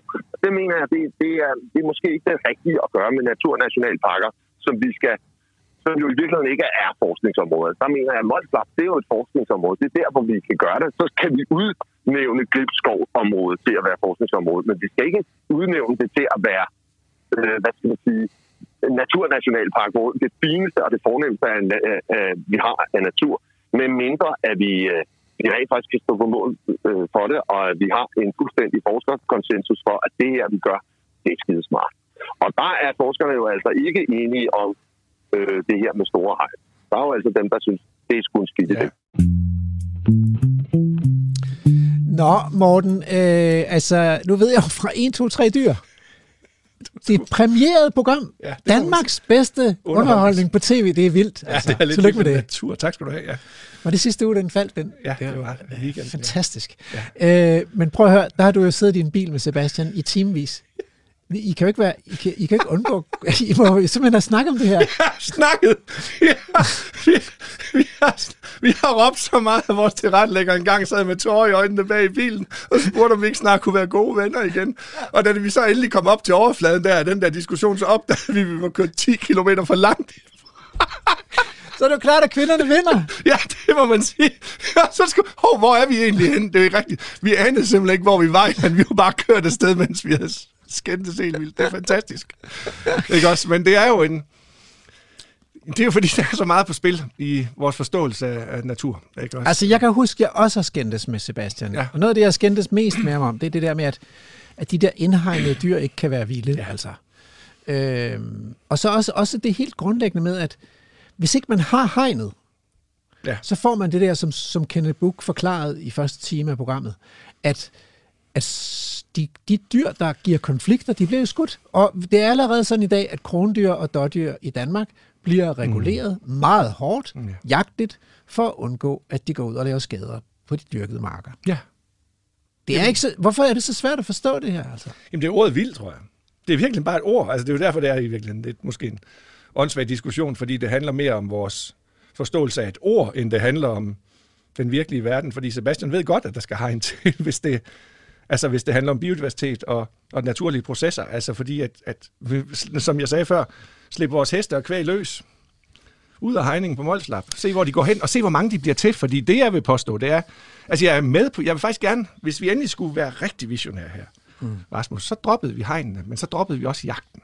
Mm. Ikke også? Og så så vi, hvor mange dyr var der plads til i den danske natur. Og bestanden af kronvildt vil eksplodere. Mm-hmm.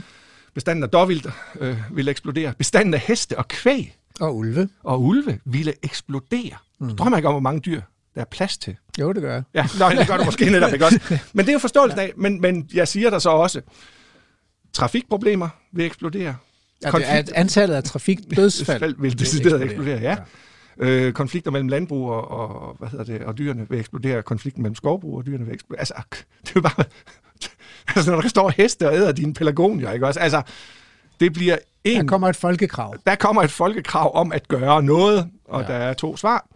Det ene er selvfølgelig at begrænse bestandene, den anden er at sørge for, at de ikke går ind i dine haver og på din landbrugsjord. Hegn og jagtlig regulering. Det er, er to muligheder. udenom. Nej. Nej. Men jeg har jo altså skændtes med Sebastian, fordi, fordi ikke, ikke om kro, altså heste og kvæg, de skal selvfølgelig bag hegn, men om krondyr og bisser. Ja, ja.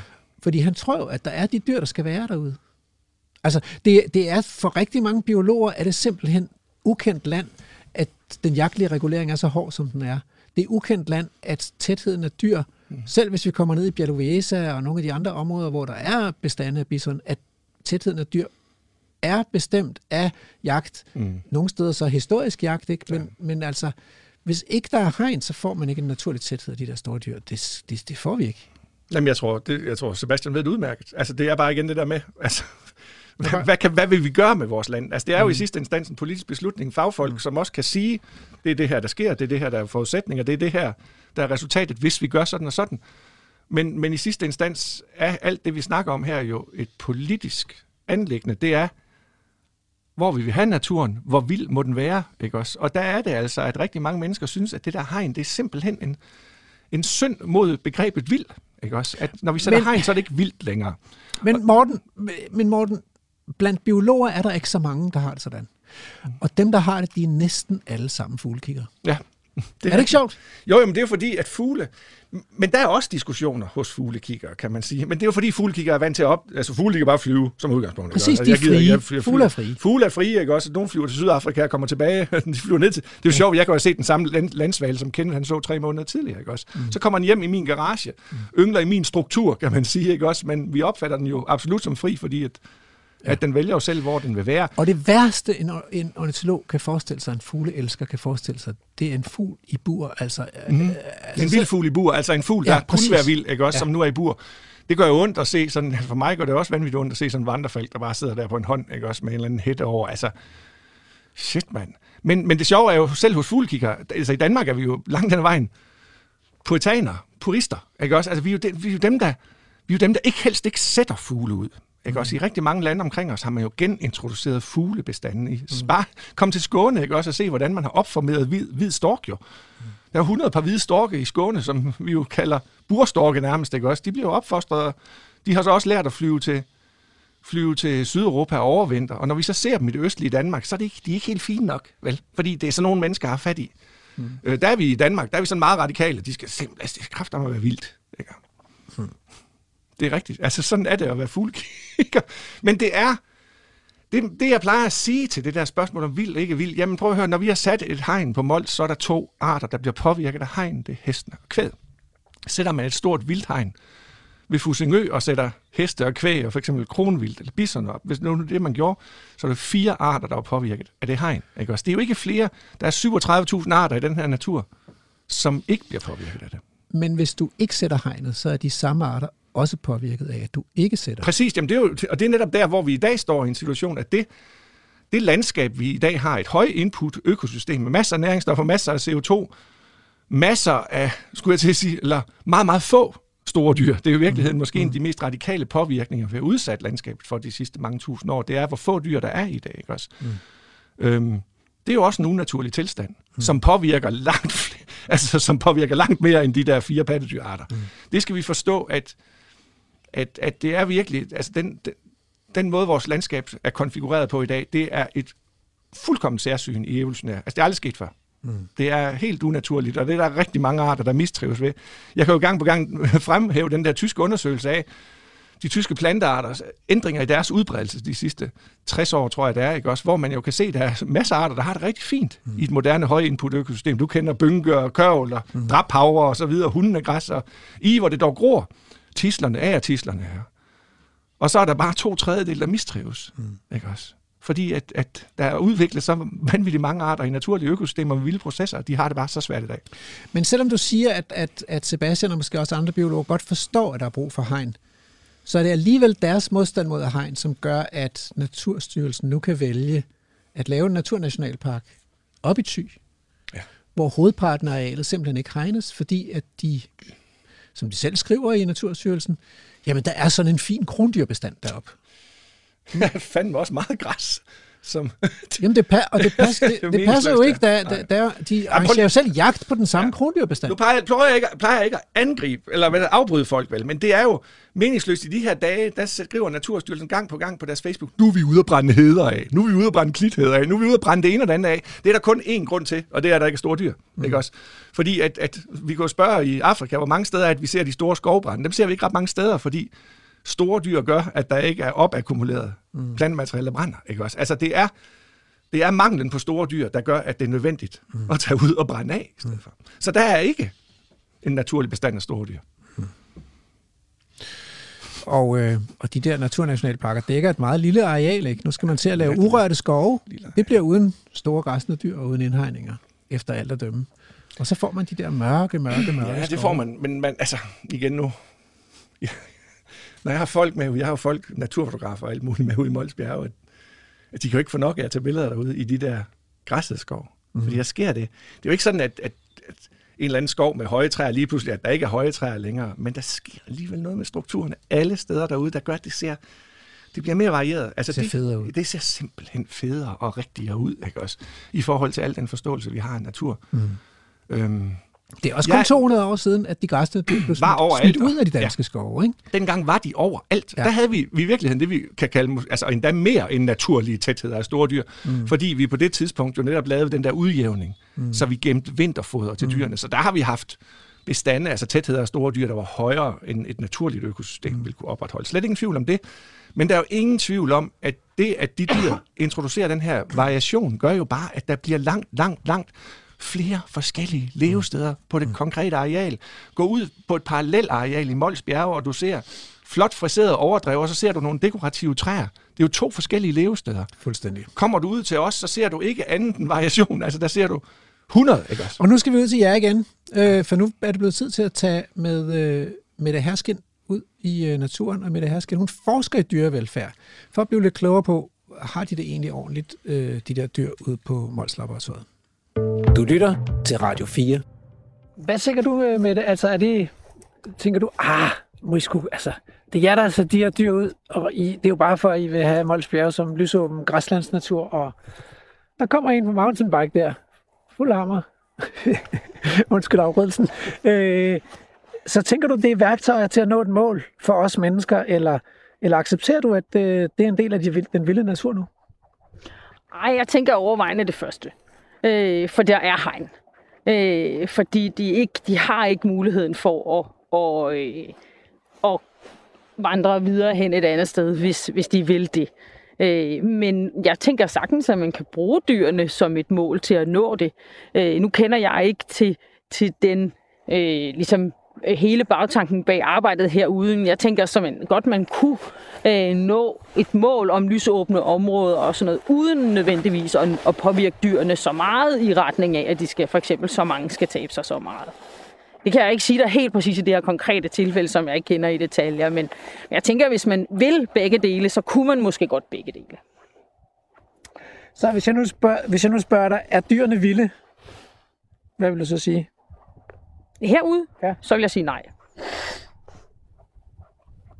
Så ja, nu står jeg her forgæves her på min smartphone og tænker, nu skal jeg lige være smart og lynhurtig slå ordet vild op i den danske ordbog.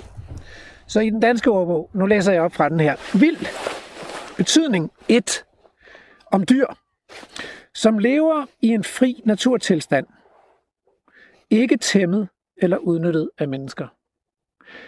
Det vil sige, det der, vi står og taler om nu, det er lidt centralt altså. er de, er de tæmmet?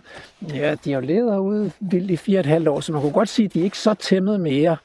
Og jeg vil godt se en prøve at lægge en, en sadel på en af de der øh, her i hvert fald. Jeg på, om man mener domesticeret. Det ved jeg præcis ikke, hvad man mener Nej. der. Fordi de her enkelte individer er ikke tæmmet, Nej. men der er forskel på, om det enkelte individ er tæmmet, eller at man er lever, altså man er en, et dyr, som er en domesticeret dyreart. Ja. Men jeg synes, det ved jeg godt, at det er der nogle mennesker, der går meget op i, om, om det ville, hvis det ville have været elge, I havde lukket herud, øh, eller om det var køer, og ville have synes der var forskel på, hvordan I skulle behandle dem. Og det må man godt synes. Men hvis man ser dyrevelfærd fra dyrets synspunkt, så kan man sige, så er det egentlig fuldstændig underordnet, om det er en, en, en ko med et øremærke, I har lukket herud, en I måske har, har tæmmet i fire år, så I lukket den herud, eller det er dem, I har nu, som I ikke har tæmmet, eller om det er en elg. Sult ja, er dyr, sult. Dyret dyret ved det ikke Eller hvad selv. nu er, vi snakker altså, om. Glæde ved, ved miljøberigelse er det samme. Ja. Ikke kun for hele tiden at snakke om det negative. De vil så... opleve både det samme positive og det samme negative herude. Ja, så dyret oplever simpelthen det miljø, som det lever i, og øh, om der er rigelighed eller knaphed på ressourcer, og om der er en, en om der er nogle andre dyr af samme slags at socialisere med.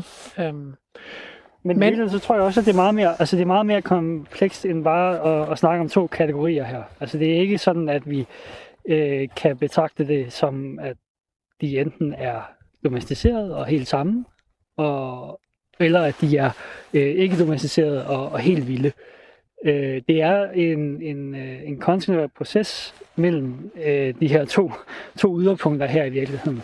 Og, øh, og det er jo rigtigt nok, at, at hvis vi kigger på, hvad, altså, hvor er de øh, individerne her øh, kommer fra, jamen, jamen så er det jo nogen, der af mennesker, er igennem generationer er blevet udvalgt, fordi at de har nogle egenskaber, som, som vi mennesker gerne vil have.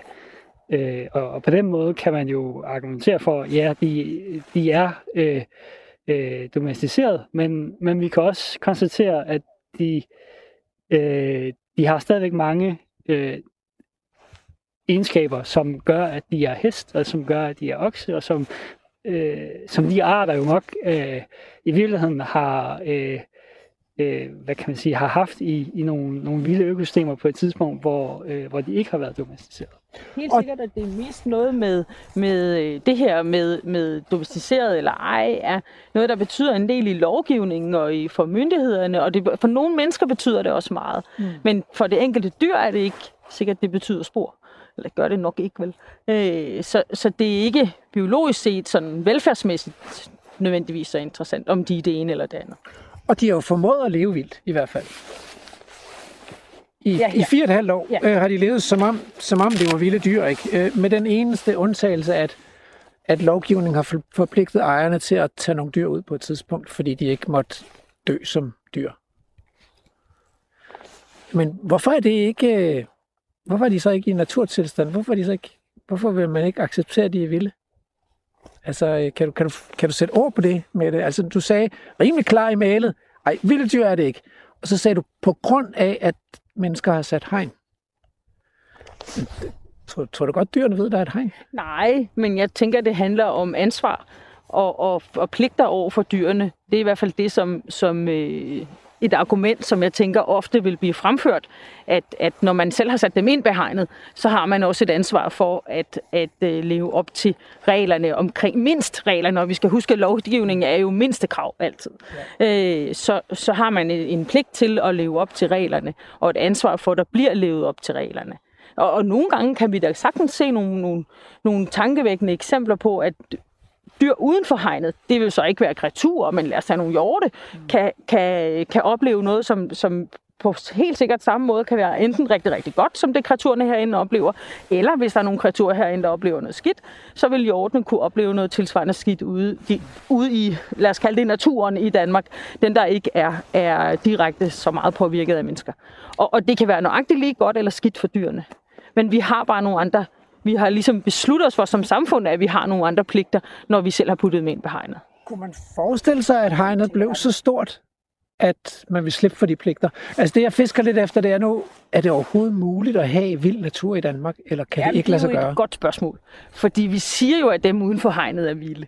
Øh, og det sagde jeg også lige selv men, men der er jo veje over det hele, og der er ikke særlig langt til den næste mark, og der er ikke særlig langt til den næste by, og menneskets indflydelse i et landbrugsland som Danmark, som i forvejen er lille, og hvor, hvor landbruget øh, opdyrker store områder, og der er også store områder, med, med, øh, hvor mennesker bor, så, så er der ikke særlig mange vi, vilde dyr. Nej. Vi kan godt kalde revne i København for vilde, øh, men vi kan, så skal vi i gang med at diskutere, hvad vi mener med vild. Altså, Altså, biologisk set, så det er jo grunden til at spørge det selvfølgelig også, at, at, at uden for hegnene, ude i det frie kulturlandskab, der skyder man dyrene, fordi at man ikke vil have, at der er så mange dyr, fordi der bliver for mange skader på markerne, og der er for mange skader i skoven, og der er for mange trafikdrab osv., og, og, og det er farligt også i trafikken. Og hjortevild er lige det største, vi kan administrere. Ikke? Altså, hvis man skulle til at have, også have køer og heste og bisoner og vandbøfler og så videre rendende derude, no way. Øh, så set i det perspektiv, så kan man sige, at, at hegn er ligesom en forudsætning for at slippe dyrene fri, kan man sige. Det, det er jo lidt paradoxalt. Ja, det er paradoxalt. Men det oplever man jo også andre steder i verden. Så i Kryer Nationalpark, der er også hegn. Er de så ikke vilde dyrene derinde, eller?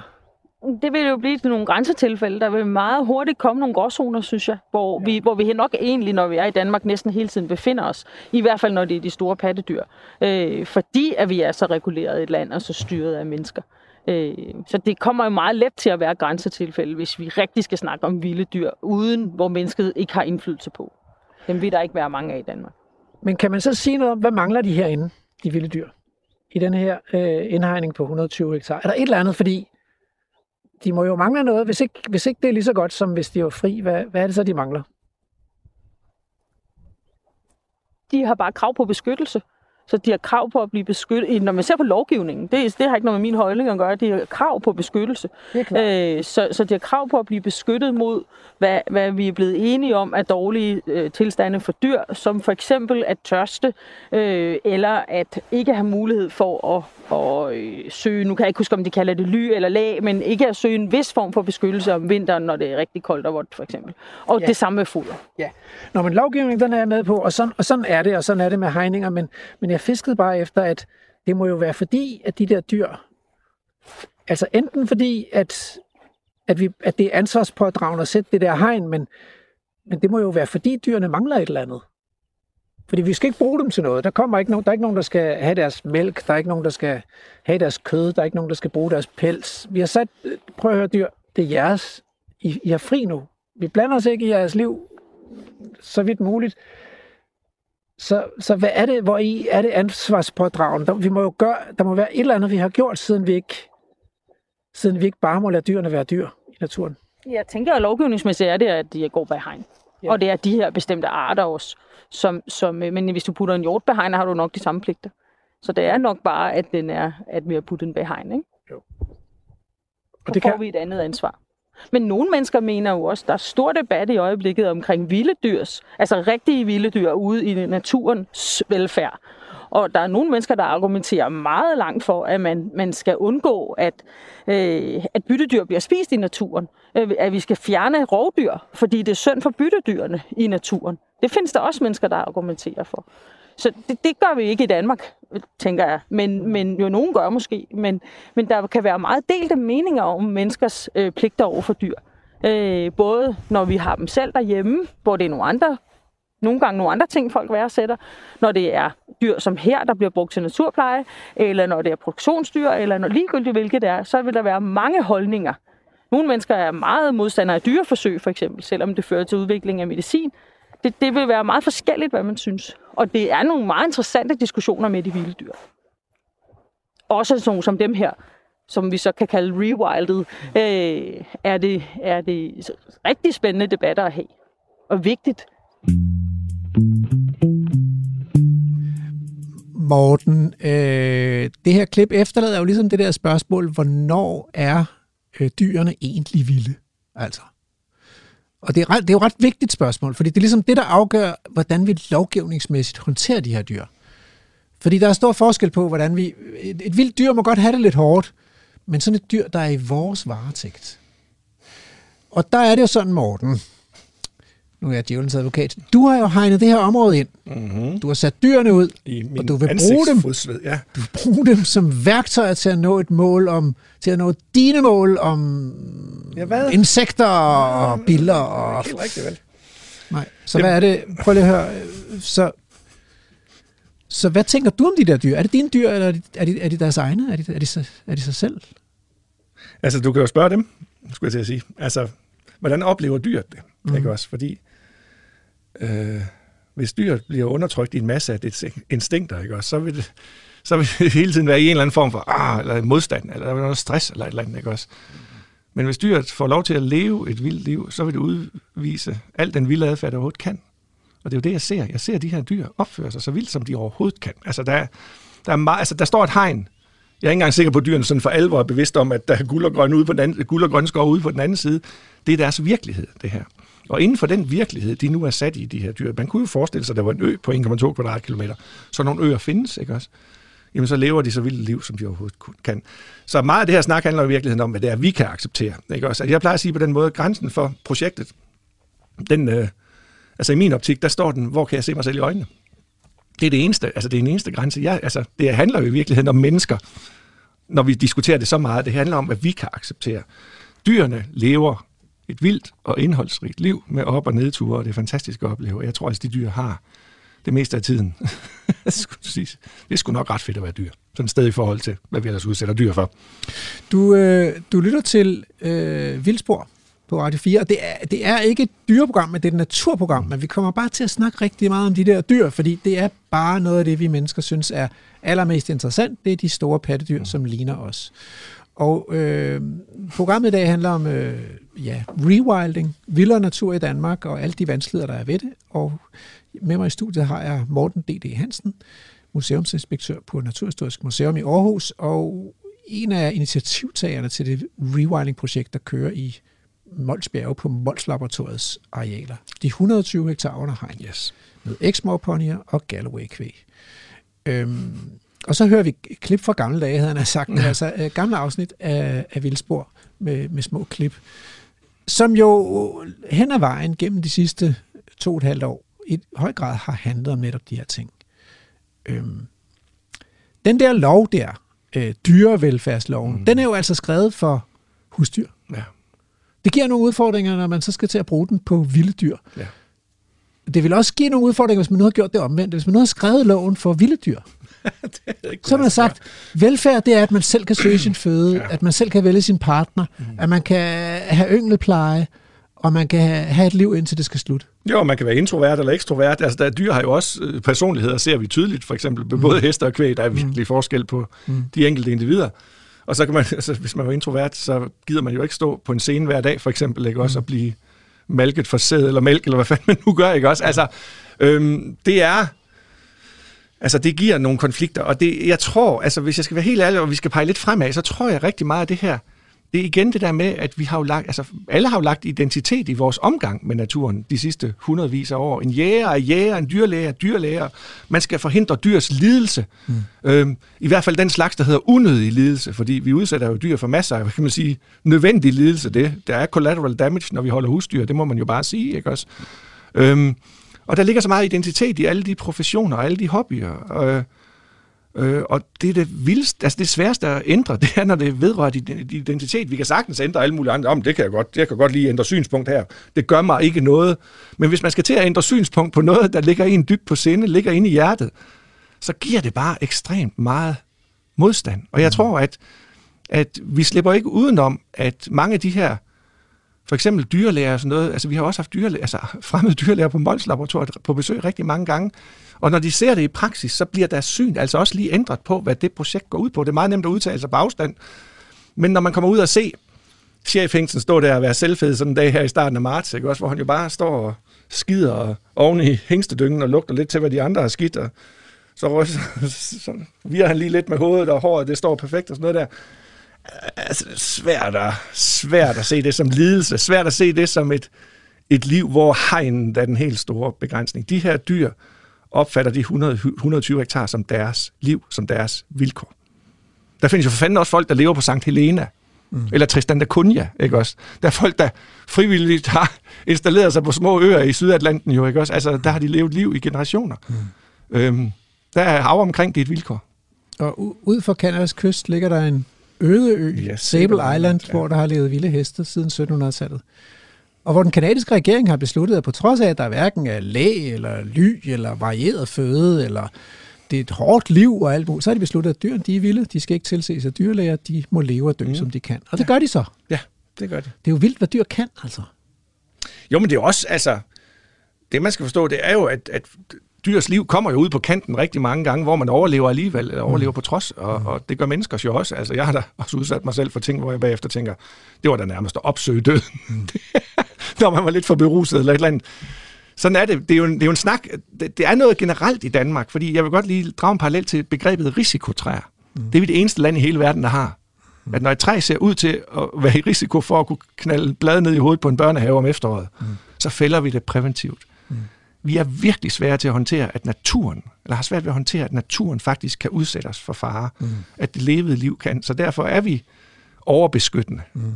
Grænsen til det nogle gange en lille smule neurotisk, hvis du spørger mig.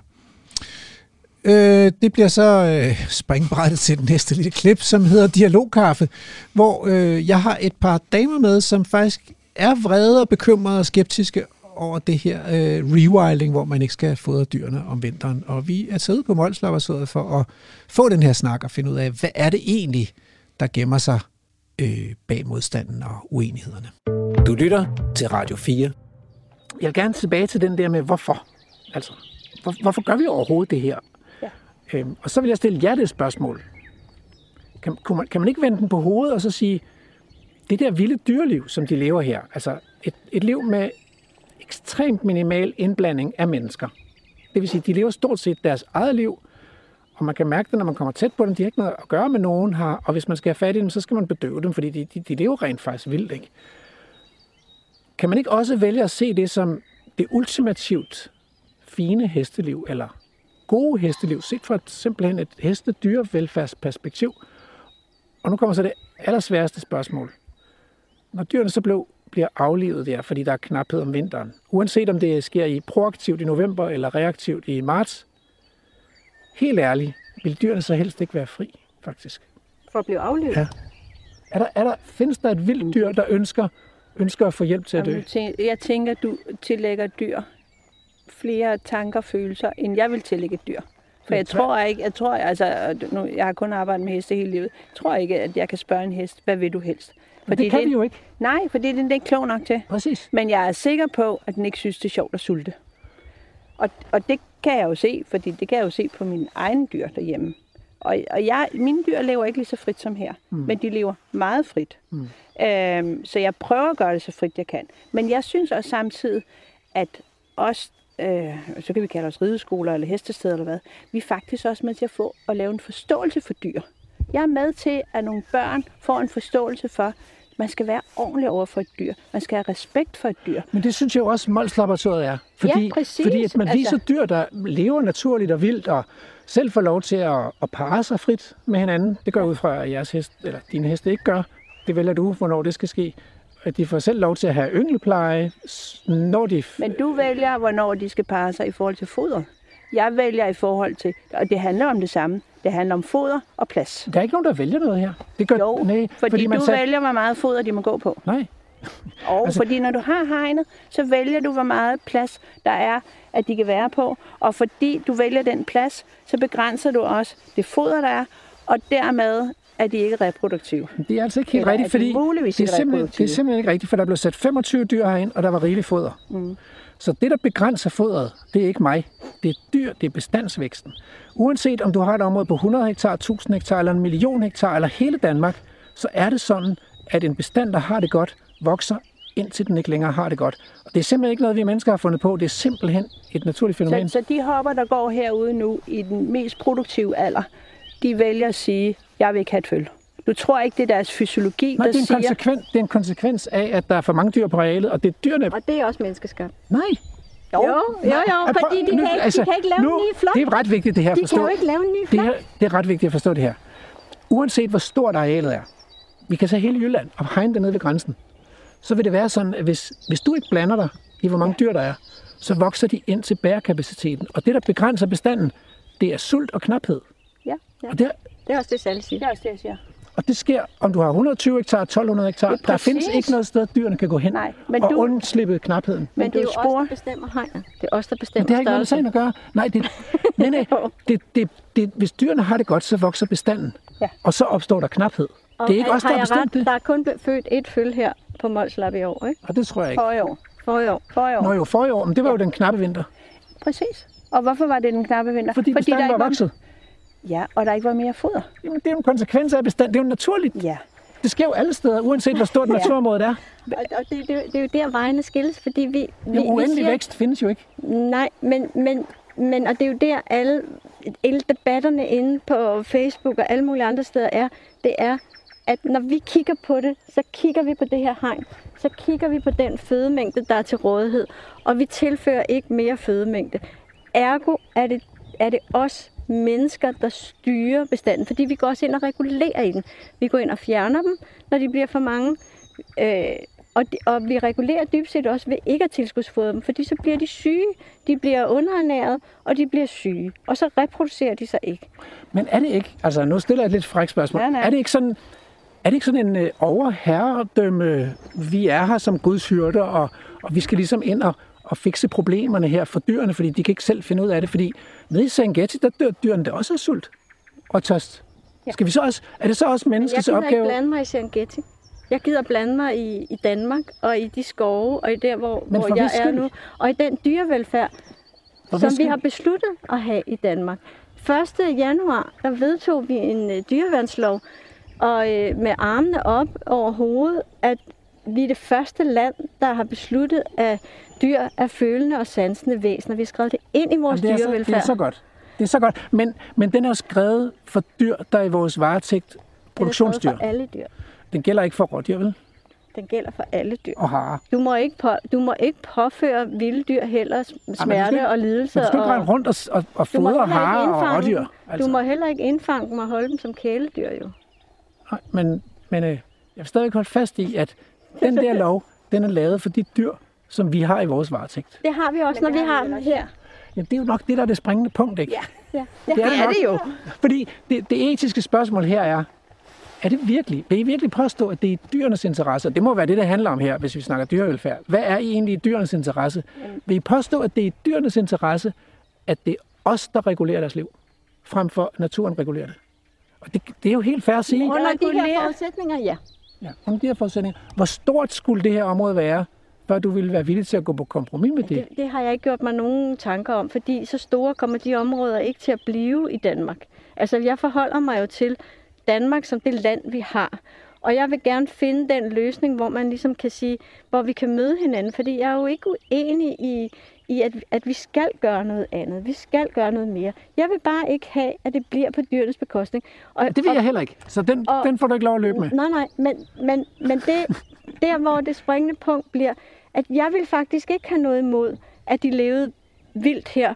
Og når, når der så skulle, øh, kan man sige, reguleres i bestanden, altså de blev skudt her og lå her.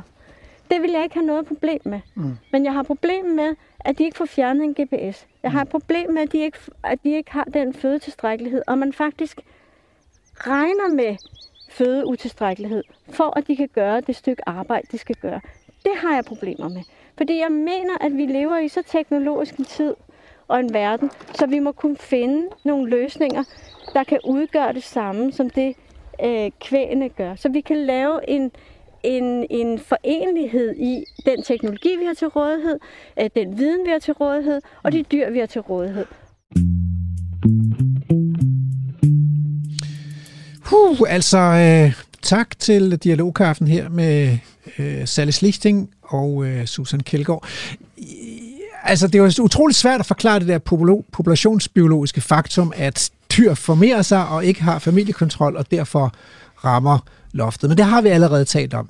Det, jeg godt kunne tænke mig at tale om nu, det var, altså, vi har en situation i verden faktisk, hvor vi mennesker stort set har udryddet alle store landlevende pattedyr fra alle steder. Der er næsten ingen tilbage. Der er 96 procent, der er vist uddød eller noget den stil, ja, så det Ja. ja. passer meget godt. Ja, og den samlede biomasse af, af, af pattedyr på jorden, der er 96 procent mennesker og vores tamdyr, ja. og så er der 4 procent vilde dyr, og ja. det er også dem, der lever i havet. Så det er virkelig ikke meget, der er tilbage på jorden.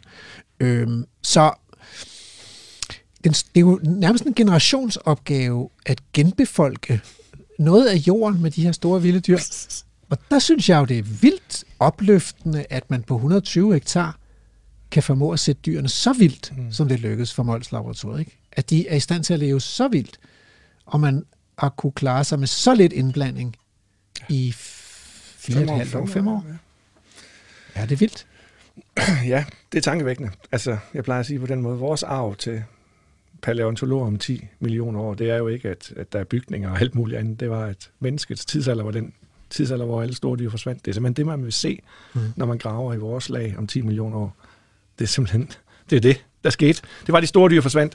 Øhm, det vil tage rigtig lang tid at få, hvad skal man sige, naturlige bestande af store dyr rundt om i verden. Vi har jo et meget lille pulje at arbejde med nu. Jens Christian Svending og kolleger har jo vist lavet nogle beregninger på, at det vil tage over 10 millioner år, inden vi er oppe og have en naturlig, altså evolutionært set har udviklet mm. store dyr, altså virkelig store dyr, det vi kalder megafauna, der passer til de forskellige kontinenter. Ja, vi mangler jo en elefant eller ja. to, og vi mangler et ja. næsehorn og sådan noget. Ikke? Ja, vi har jo nærmest ikke nogen gener tilbage, altså genpulje af elefanter at arbejde med, vel? Altså, der er de der tropiske arter af elefanter nu, ikke også, som måske kan være oppe i subtropperne.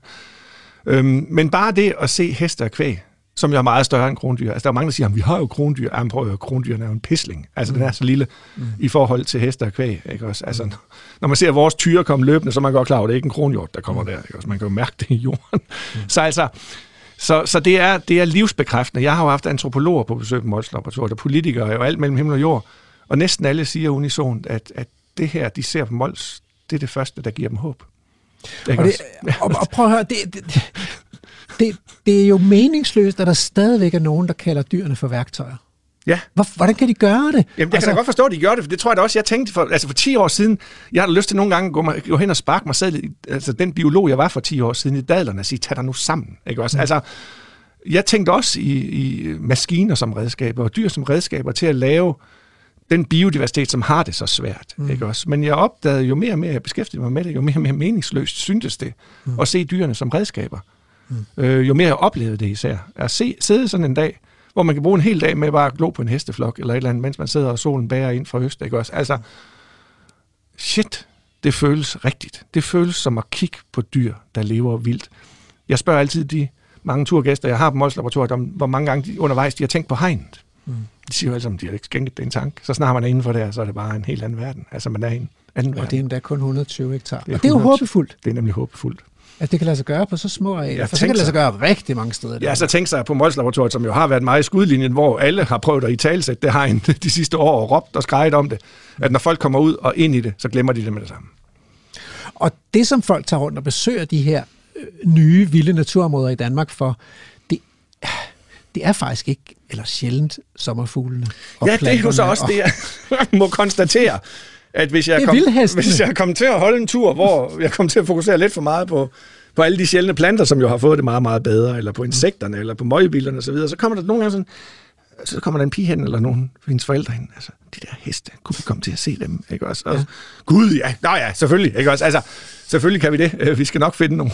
men, men det er jo det, folk kommer for, at se dem i landskabet, se de her dyr, ja, altså, det er, det, det er altså sådan, at, at, at billeder af dyr i de her landskaber, det kan, altså når jeg sidder og kigger på det sådan en vinterdag, og sidder og kigger på de billeder, jeg har taget de sidste år, og tænker også bare, hold da kæft.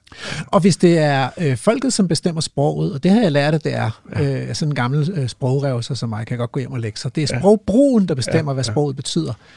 Så er de der dyr vilde, fordi de hedder jo bare de vilde heste. Ja, det er det, folk kalder dem, ja. simpelthen. Ikke også? Ja. De kommer ikke ud for at se eksmorponierne under hegn. Det gør de ikke. Og hvad med de der meget, meget ophidsede stemmer? Dem, der er så ophidsede, at de går ud, og uden at kigge på, hvor godt hestene har det, mm. så går i gang med at tvangsfodre de der heste, han har sagt. Og det er jo ikke, fordi hestene bliver tvunget til at spise det, det er mere den tvang, der ligger i, mm. i, i de her hestedamers adfærd. Ja. Lægger det sig? Går det i sig ja, selv igen? Ja, det gør det helt sikkert. Det er kun et spørgsmål. Altså, sådan er det. Det var sådan, jeg kan huske, vi lavede et tv-program i Østerhild Klitplantage i sin tid om vindmøllerejsningen, hvor der var jo folk, der havde indlogeret sig i Klitplantagen og boede i små telte og hytter. Der var en teltlejr deroppe, mm. der protesterede mod mod den urimelighed, der var, at man fældede 10 kvadratkilometer klitplantage. Altså, mm. der er folk, når naturen nu er så meget, hænger så meget sammen med vores identitet, så bliver folk også meget, meget vrede, når der, når der sker et paradigmeskifte. Og det, det kommer, og altså, jeg har jo faktisk prøvet at fremkalde det i flere år, det er meget sjovt. Jeg lavede virkelig meget formidling der i 16-17, hvor jeg virkelig prøvede at fremmane den der modstand. Mm. Den er kommet lidt senere, da det blev til national politik, der kom den. Det skal nok gå over. Morten D.D. Hansen, tusind tak for at være med i studiet og øh, dele lidt refleksioner og lidt pyns med mig. Selv tak. Dagens vildspor slutter her omkring. Tak til Christian Kruse for at finde de gamle klip frem til dagens afsnit. Tak til producer Emma Holtet for at indhegne vildskaben i en passende ramme og sætte musik til galskaben. Tak til chef Kratlusker Morten D.D. Hansen fra Naturhistorisk Museum for at være med til at pynse over mulighederne for vildere natur i Danmark. Ja, der er ikke andet at sige, end at øh, I skal lytte med om en uge, fordi der kommer det igen til at handle om målslappersød, men der zoomer vi lidt ind på denne her fodring, også på, hvorfor det ikke er så heldigt, når nu man lige er i gang med et forskningsprojekt, der handler om, hvad dyrene spiser, øh, og hvordan det er med til at skabe biodiversitet ud på Mols Laboratoriet. Men det er i næste uge. Nu er tiden kommet til ugens haiku. Spjæt og skrig og hyl. Rewilding er rebirthing. Smertefuld lykke. Programmet er produceret af Videnslyd for Radio 4.